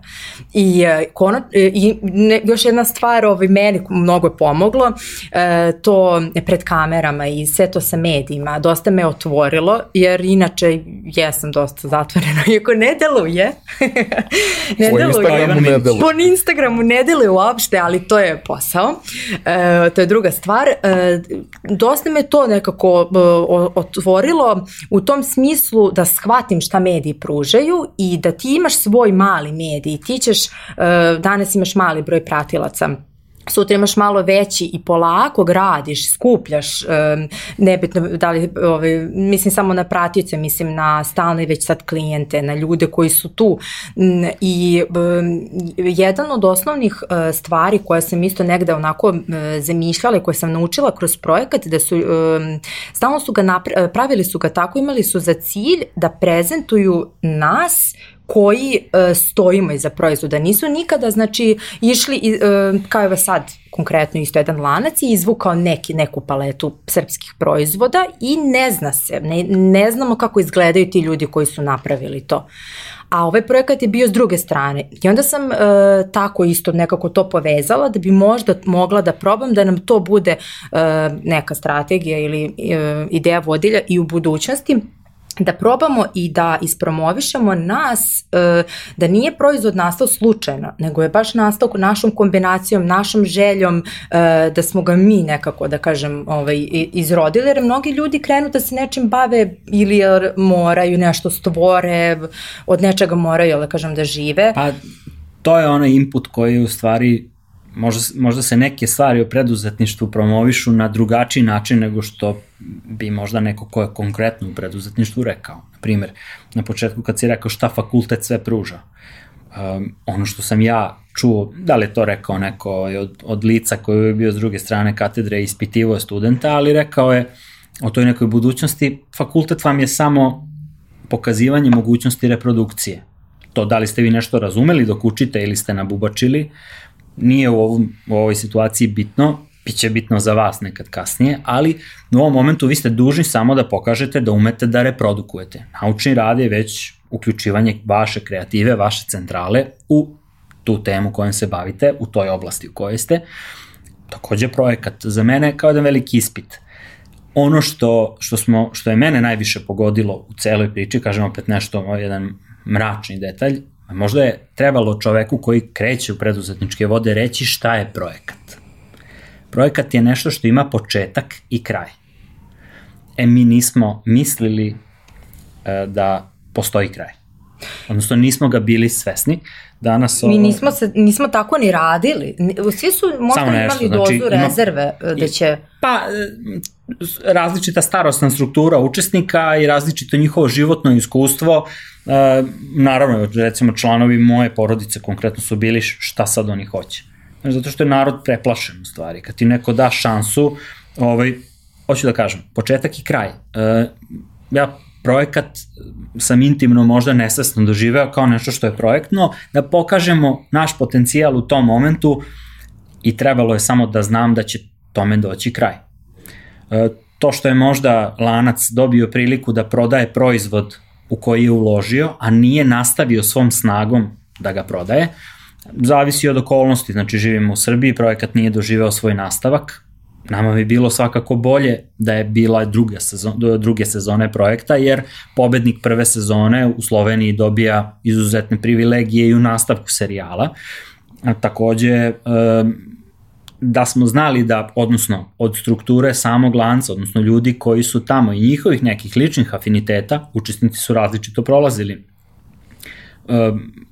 Mi smo sarađivali sa izuzetnom osobom koja je dala priliku da, da pokušamo u velikom broju objekata, samim tim to je značilo da možemo da povećamo proizvodnju, da, da se širimo i da rastemo.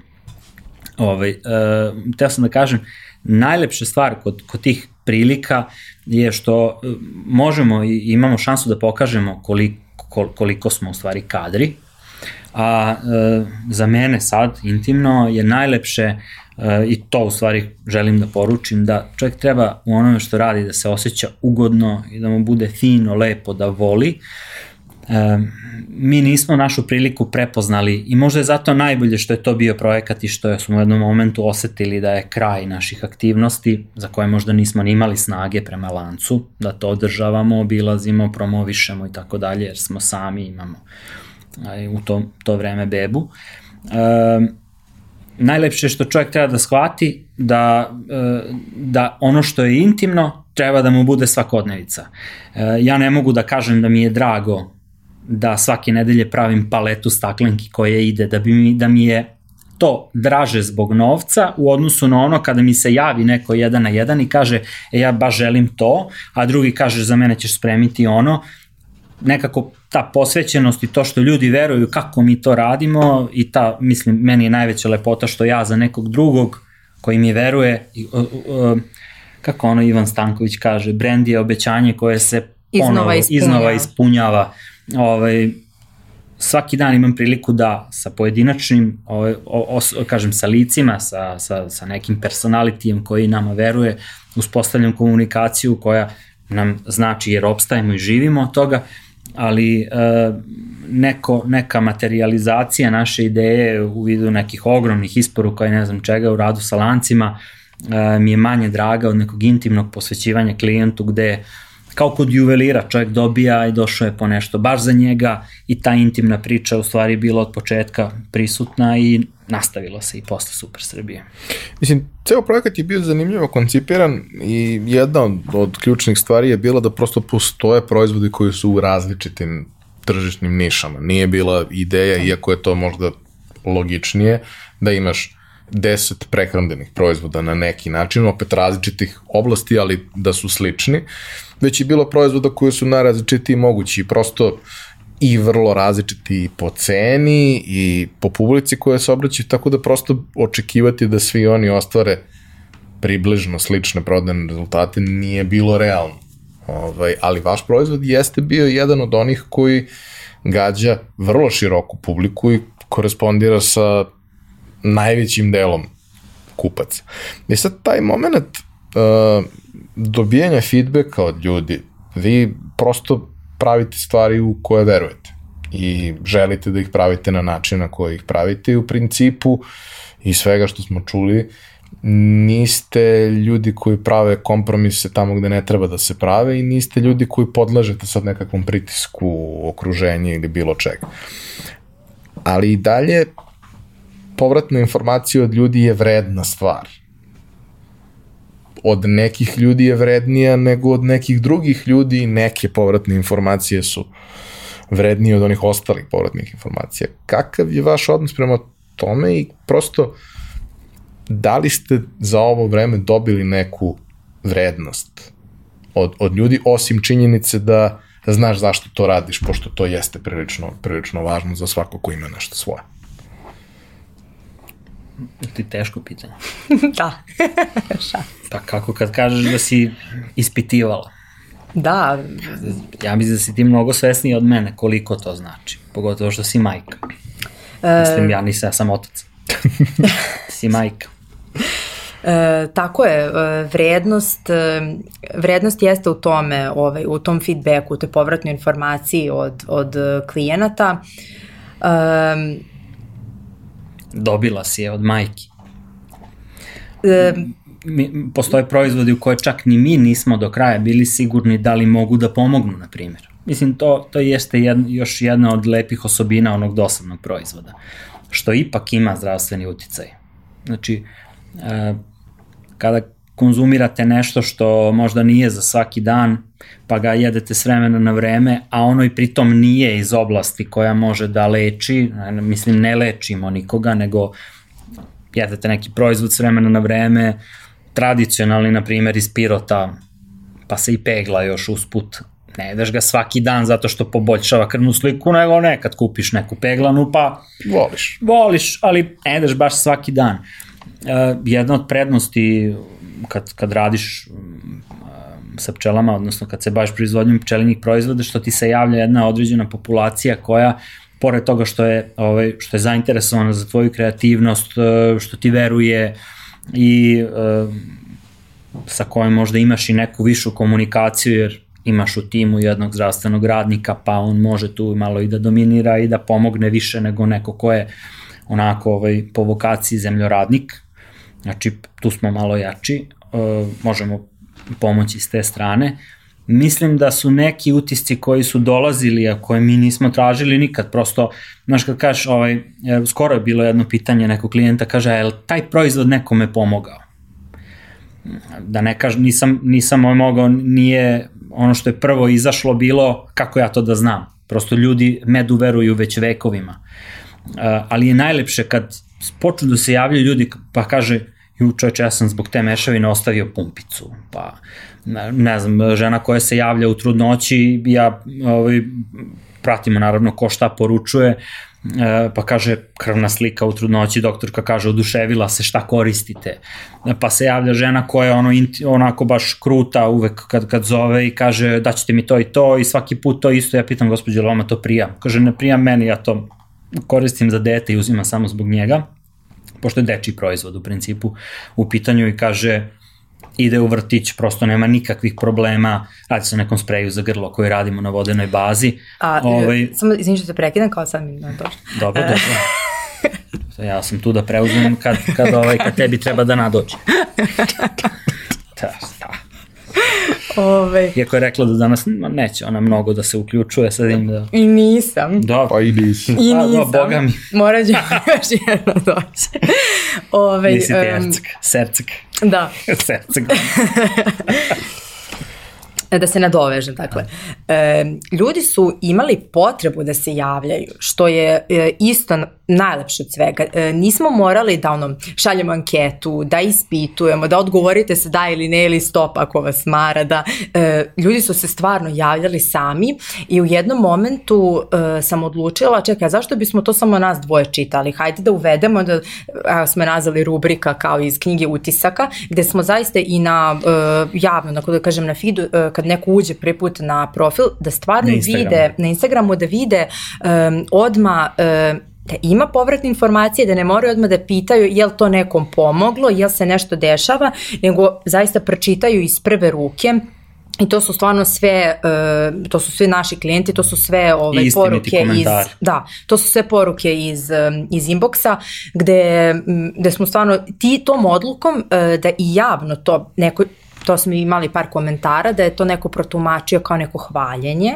u redu, ima i ta druga strana da ljudi to misle, međutim, mnogo veći procenat onih kojima to pomogne da prelome, da probaju, jer činjenica je da su to drugačiji, čudniji nepoznatiji proizvodi i samo taj prvi put je najveći, da kažem, stresi kod kupca kada poručuje i kupuje i kada se uveri u kvalitet, svaka sledeća poručbina je mnogo lakša i to jeste ključ dobrog proizvoda. Ja uvek kažem, marketing je tu samo za tu prvu kupovinu, da mi njih opustimo, da im kažemo šta će, e, šta će im sve pomoći, u zavisnosti toga šta im treba da je svaka sledeća poručbina bez ikakvih problema. Proizvod je taj koji, koji dalje ovaj, ubeđuje o, o brendu. Jeste i možda onaj štreberluk naš što, znaš, kad ne voliš dobiješ četvorku iz nečega nego nisi dobio pet, dobio si četiri, pa ti to teško padne. Ovaj, kako ona priča bila iz tvoje osnovne škole? Ono kad tata dođe na roditeljski pa kad ga pitaju e, da. šta vi njoj radite kod Kaže, kuće. Kao, jel vi nju tučete kod kuće, šta vi njoj radite? Pita učiteljica mog oca. Tata šokiran, došao kući, nije mu dobro. Kao šta radiš ti u školi, dete Božje? Ja kad dobijem četiri, to je ne može sveta. četiri, znači ili su sve petice, meni nije dobro. E, ne tako skoro, ja sam tako. ovaj... Op, op, Jer učiteljica svo vreme mislila da ja sad ne smem kući da odem da pokažem četvorku. u nekoj prilici sam ovaj, imao prili, u nekoj prilici sam rekao ili iskoristio to da mi praktično radimo 8 godina bez nekog negativnog komentara. I to, ti je, to je sad, mislim, valjda to to uspeh svakog posla ili ja, makar najviše uživam u tome što da više nema onoga šta će drugi reći, ali ne u negativnom kontekstu, nego prosto uh, radiš nešto za što znaš da ljudi obožavaju.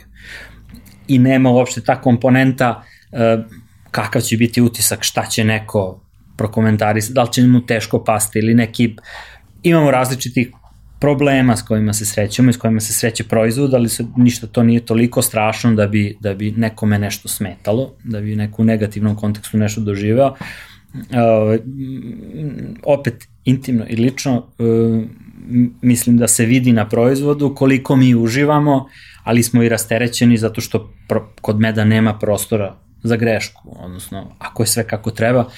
Ima to pitanje ovaj, kad, kad, kad kažu kako ste uspeli u Srbiji, Mislim, kako čovjek da uspe u Srbiji? Pa mislim da je dovoljno samo da bude normalan. Ne, ne neiskrivljen, nego normalan, realan, istinit. Znači, ako radite stvari, ako ovaj, mislim, čovjek koji pomuze kozu, ako procedi mleko, pa u njemu nema ostataka koze, mislim da je to ono što treba da uradi svaki put. Takođe, med se cedi kroz neko sito ako čovek želi da on bude filtriran i bez organskog otpada.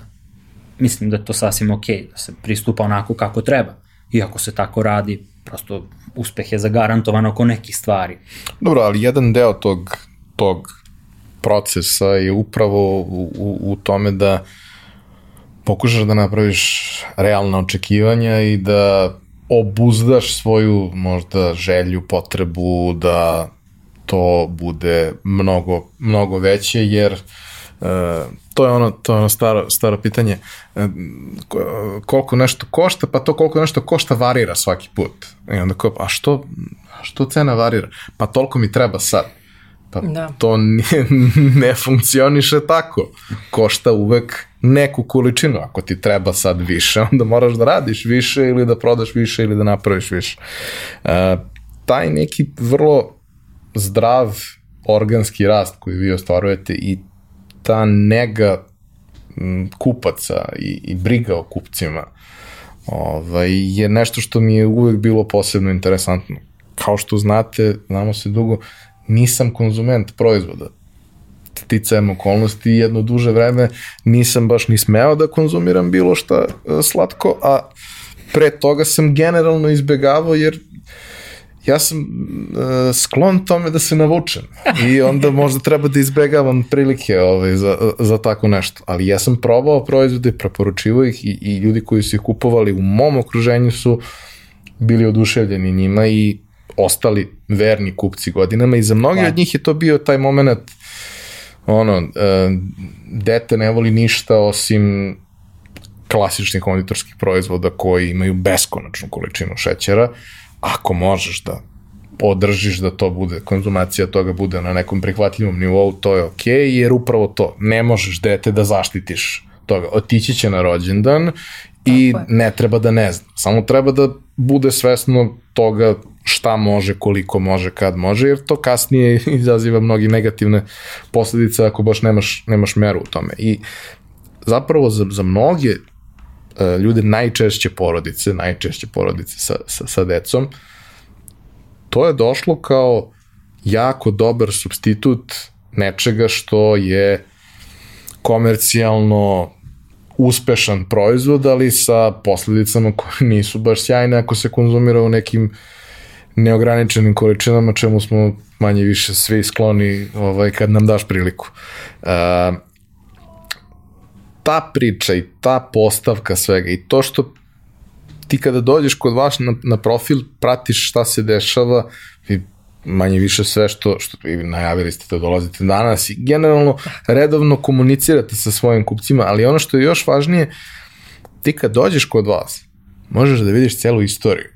Tu se ništa ne krije, nema ničega što da sad ćemo da preskočimo ovo. Ne, ne, ne, ne, ne, ti stvarno možeš što kaže, ako odskroluješ dovoljno daleko, ti ćeš stvarno yes. da vidiš sve te neke faze, što e, meni govori koliko ste vi sa pravom ponosni na to što radite i koliko ste srećni što radite nešto u što verujete, što je opet, kažem, i razlog zašto danas pričamo o svemu tome, ali e, ono što bih voleo e, kao nekakav zaključak ovog našeg razgovora da imamo, to je ok, sada to već traje neko vreme, sada to već ima neke rezultate, to odavno nije hobi, to je odavno vaš izbor da se time bavite kao, kao da kažemo, primarnim zanimanjem za, za oboje. A, šta dalje? Ok, došli ste do negde, a, imate nešto što je već duže vreme daleko od samo simpatičnog, ali beznačajnog. Napravili ste nešto što ima svoju, svoju publiku. Ljudi zavise od vas. Ja znam neke ljude koji zavise od vas. I e, to onda znači da ti ljudi imaju i određene očekivanja, a vremenom ste vi neka očekivanja formirali prema svemu tome, pa šta dalje? Ja imam odgovor, hoćeš? Ajde, znam, može, pa znam odgovor, ti kaži. Jel Ne znam da, baš da vidim ne, da ne, mislimo ne, isto. Da, da, li, da li ti hoćeš da biš priliku da kažeš prva? E, ja samo pre svega bih voljela od svih naših proizvoda da spomenem uh, jedan iskorak u, ovaj, u našim proizvodima, to je medonjera. Znači, da li bismo samo mogli sa nijansa da se osvrnemo Dobro. na medonjeru, sa kojom je takođe trebalo ubeđivanje.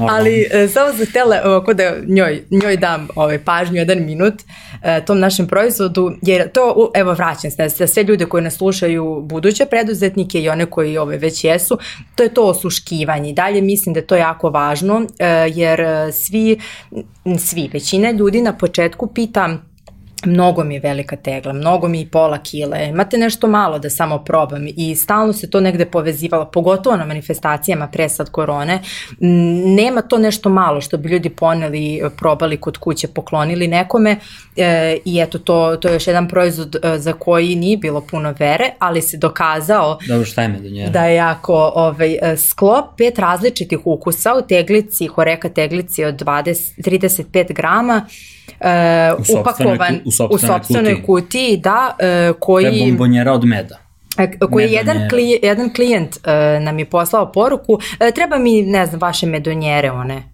I Miroslav je kao, ah, medonjera, kao to je to. Tada smo ih pakovali u mrežicama nekim. To je opet bilo testiranje. Da, da li Mislim može da ili ne. Jedina, jedina reč, to je opet jedna izuzetna I... osoba iz Zemuna, kojom, o, da. koju, ovaj, to je Ljiljana, ovom prilikom je pozdravljamo. To je jedina stvar, ja mislim, u, u celoj priči uh, koja, koja nije došla od nas samih. Znači, medonjera da. je kovanica I mi smo koja, da pitali da, kažem, da li možemo. Tuđa, da. mi smo naravno zamolili da to bude naše, jer, jer to ne postoji, ali osoba je izuzetna i kao tako mislim opet, eto, nama, nama draga Tako da medonjera je prilika da se proba pet različitih ukusa, možda bude po izboru, kad neko neće da bira, onda mi napravimo najbolji izbor u tom momentu. I e, to je odgovor na pitanje šta dalje? Nisam e, čuo odgovor. To sam ja samo ubacila. Šta dalje? Ajde ti kažeš. Pa dobro. E, moj otac je naravno čovjek između mene i njega postoji neki, neki određeni vremenski razmak, odnosno postoji neka, neki kanal, neka, ne, neka razdaljina jaz. na jednoj jaz, na jednoj obali, na drugoj obali, čovjek mlađi, stariji i tako, to je ove, nemamo sukobe mišljenja, mislim da se jako lepo slažemo, ali postoji recimo stvar koju ja e, ne radim kao što bi on radio. On ume da kaže i danas, eto, ove, na pragu osme decenije, Uh, on kaže, ja sam uvek u poslu i u životu birao da radim više za veće pare. Sledeće je, i mi to uspešno pokušavamo da implementiramo, da radimo što manje za što veći novac. Uopšte, kažem, ne, ne, ne konkretizujem uh, vezano za, za biznis. Nije novac ni početna ni krajnja tačka, nije ni izvorište ni ušće na tom putu, na tom vodotoku nekom naše životne priče, ali e, ljudi u Srbiji kao što nisu shvatili e, da prezime ne treba da bude okosnica jednog brenda koje se bavi pčelinjim proizvodima, da nije važna kuća iz koje nešto dolazi, da to ne treba bude nikakva medena kuća. Može da bude prezime, ali ako može da ne bude jedno od onih deset najčešćih, jer ih ima previše. Tako je, da, se ljudi, da. Ovaj, E, mislim da je potrebno da se doda vrednost sirovini. Znači, sirovinu može da napravi svako. E, ne može svako da je proda, ali na tom putu između obezbeđenja sirovine i put do tačke u kojoj se ona plasira na tržište klijentima ili ljubiteljima, Uh, mislim da postoji taj jedan intimni put, ta, ta ne, taj neki pečat koji mi kao uh, kreatori brenda dajemo toj sirovini do gotovog proizvoda. Znači, e, naš cilj, moj cilj i to je ono što mogu javno da kažem i što, čime se ponosim, a opet e, znam da mogu da kažem zato što je to stvarno individualno, neponovljivo i to je onaj unikat koji svako ko rukom nešto radi daje tom proizvodu. E, ne mislim za, samo zato što je prolazi kroz ljudske ruke, nego prosto ta ne, ne, neka naša energija i naša misao koja se ugrađuje u proizvod, a mene su na fakultetu i na poslu učili da se kvalitet ugrađuje u proizvod, pored kvaliteta, ako ima taj neki intimni, uh, in, intimni doživljaj svega toga što čovjek radi, ako to nije serijsko, kažem, mi recimo, eto, šta je jedan od tržišnih problema, uh, zakon te tera da, da ti za svaku seriju, svaki lot imaš analizu. Nama je neka ceo lot ne vredi kao cela analiza. Znači, prosto ne želim na taj način da posmatram proizvod kojim se mi bavimo. E, ne kažem da proizvodi nemaju analize, nego prosto e, dodeljivanje lota, odnosno serije našem proizvodu nekad nije primenljivo. Postoji takvi slučajevi u sistemu kvaliteta. E, sledeći korak je da to što radimo podignemo kvalitativno na viši nivo, sa većim nivom emocije, sa većim nivom kreativnosti, e, naravno, o upotrebi još kvalitetnih sirovina koje su još različitije i koje će dati takođe neponovljive kombinacije kao ove e, koje smo proizveli do sada, gde recimo to med sa dodatkom limuna i nane. E, koristimo list nane koji je u prahu, koji je na domaćem tržištu, ima sertifikat o ispitivanju, znači to je sirovina ako to nije nana iz, ubrana ispod kruške negde, mislim, nego stvarno brinemo o tome šta ugrađujemo u proizvod, ali da e, sa podjednakim naporom na račun nekog intelektualnog kapaciteta i kreativnosti e, dobijemo proizvode koji još više vrede, odnosno proizvode koje ćemo još skuplje naplatiti. Pa sad kad se povede priča o ceni meda, ovaj, neko možda ima problem sa cenom i sa naplatom, a neko nema. Jer... Dobro, znači, generalni zaključak je da hoćete dodatno sebi da zakomplikujete život. Tako je. Da, dobro. E, ja sam, na šta se ja misla ćeš ti da odgovoriš? Šta? Kao si kameru gasila. ne, nisu, slobodno kaži, da pa ću ti reći da li je to to. E, šalim se. Mm, pa, jedna druga strana pčelarstva o kojoj smo pričali, da li e, hoćeš to da spomeneš? To je opet tehnička stvar, kako plasiraš uslugu koja je svima dostupna. Pa hoću, mogu. Ove, ovaj, pčelarstvo u svetu dobija sve veći značaj kao što e, nekonvencionalne, me sad da li ću se izraziti na pravi način vezano za medicinu, e, neću ni spominjati ove moderne doktore koji se obraćaju, obraćaju preko televizije, ovaj, pa je, kažem, konvencionalna ova bolnička, prava medicina i ova druga, alternativna, neka koja ide nekim svojim putem, homeopatija, na primer, postoji određeni spoj pčelarstva i turizma, gde recimo pčele, udisanje vazduha iz košnice, može da bude u terapijske svrhe, o, interesantno. E, postoje različiti stavovi. Neko kaže da je to korisno, neko razlaže da to nije, postoji za i protiv, kao i za svako pitanje koje možemo da pokrenemo, ali e, postoji određena šansa da se pčele iskoriste i u svrhe ovaj, razvoja nekog ruralnog turizma, E, gde e, na nekim, ne, nekom atraktivnom prostoru gde imate dobar pogled, dobru hranu, gde možete kupiti kvalitetne pčelinje proizvode, možete dobiti neku laganu terapijsku, neki lagan terapijski tretman u vidu recimo za, za neke ovaj, ove moderne bolesti, oslobađanje od stresa, e, postoje određeni kreveti koji e, stoje na košnicama, se može znači ležati na košnicama i frekvencija tog pčeli, pčelinje vibracije iz košnica opušta telo. Udisanje vazduha iz košnice je interesantno zbog udisanja svih isparljivih smola, propolisa, tretmana respiratornih puteva, sad su moderne oksibarične komore i tako za e, oporavak od korone. Recimo, s te strane pčele mogu biti izuzetno interesantne i mi smo na putu realizacije svih tih nekih ideja vezano za ovaj, imali smo određene posete iz inostranstva, veće i manje, u cilju kupovine pčelinjih proizvoda od nas, ali e, kao što je recimo kada vam dođe 20 gosti iz Nemačke, interesantno da im pokažete šta ste proizveli, takođe možete im ponuditi neke, ne, neku turističku atrakciju, da se provozaju rekom, da pojedu lokalne specialitete u već postojećem restoranu, a kod vas da sednu, uživaju u pogledu, kupe med i recimo udišu vazduh i tako.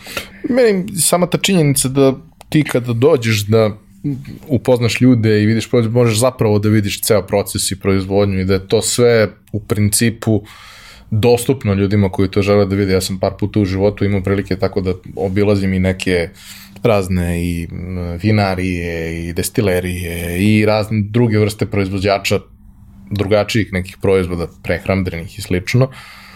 Mnogo je lepo kad ti zapravo možeš da vidiš ceo proces i mnogo je lepo kad uh, vidiš da uh, neki ljudi sa osmehom ti pokazuju ono na šta su ponosni.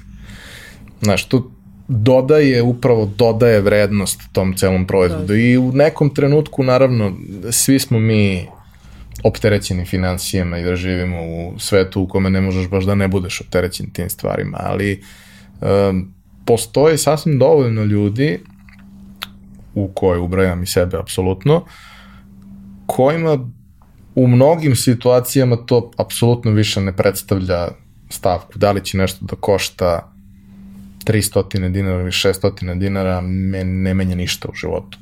Znam da ima mnogo ljudi kojima menja i to je strašno kada živiš u društvu koje je siromašno.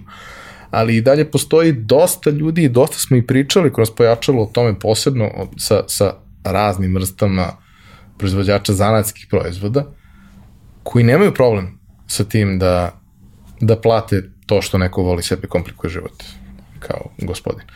Ovaj, tako da, s te strane, mislim da, da to jeste dobar put, apsolutno. E, biće mi vrlo veliko zadovoljstvo da ispratim vas na, na, na tom putu i možda da ponovo neke od proizvoda probamo, doneli ste mi sad, pa da. ovaj, osim što su se svi ostali u kancelariji obradovali, malo sam se obradovao i ja, tako da vidjet ćemo, ovaj, da, daću vam svakako uh, feedback. Tu, ovaj, treba sam Obavez. naglasiti oko svega, a kažem, to je jedna od stvari, kao što mi nismo znali šta je projekat, ono što treba poručiti uvek svakome ko želi da razvije nešto svoje, je da je za taj kompletan razvoj koji može biti manje uspešan ili uspešniji u kraćem vremenskom roku. Na primjer, nam su se lepe stvari desile u kratkom vremenskom roku. Ja sam često kažem kako zadnje četiri godine odnosno u, u toku poslednje četiri godine, nijedna godina nam nije ista. Sve su lepe, uspešne, sa lepim rastom i sa, sa odličnim emocijama i uspomenama, ali e,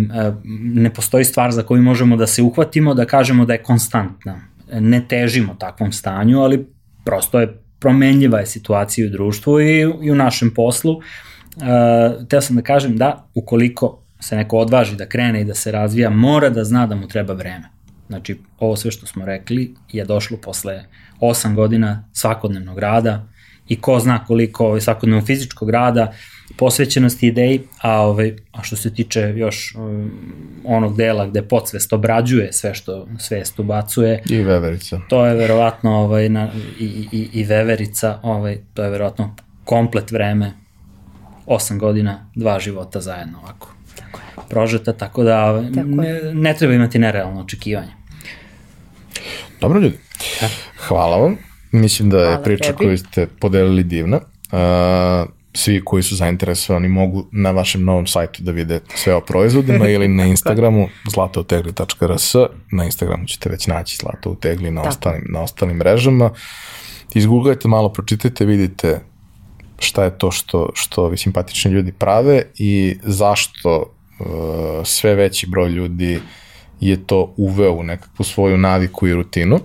Uh, jedno od redkih dobrih navika i rutina koju su, koju su uveli za, za neke mogu baš i da kažem konkretno, ali dobro.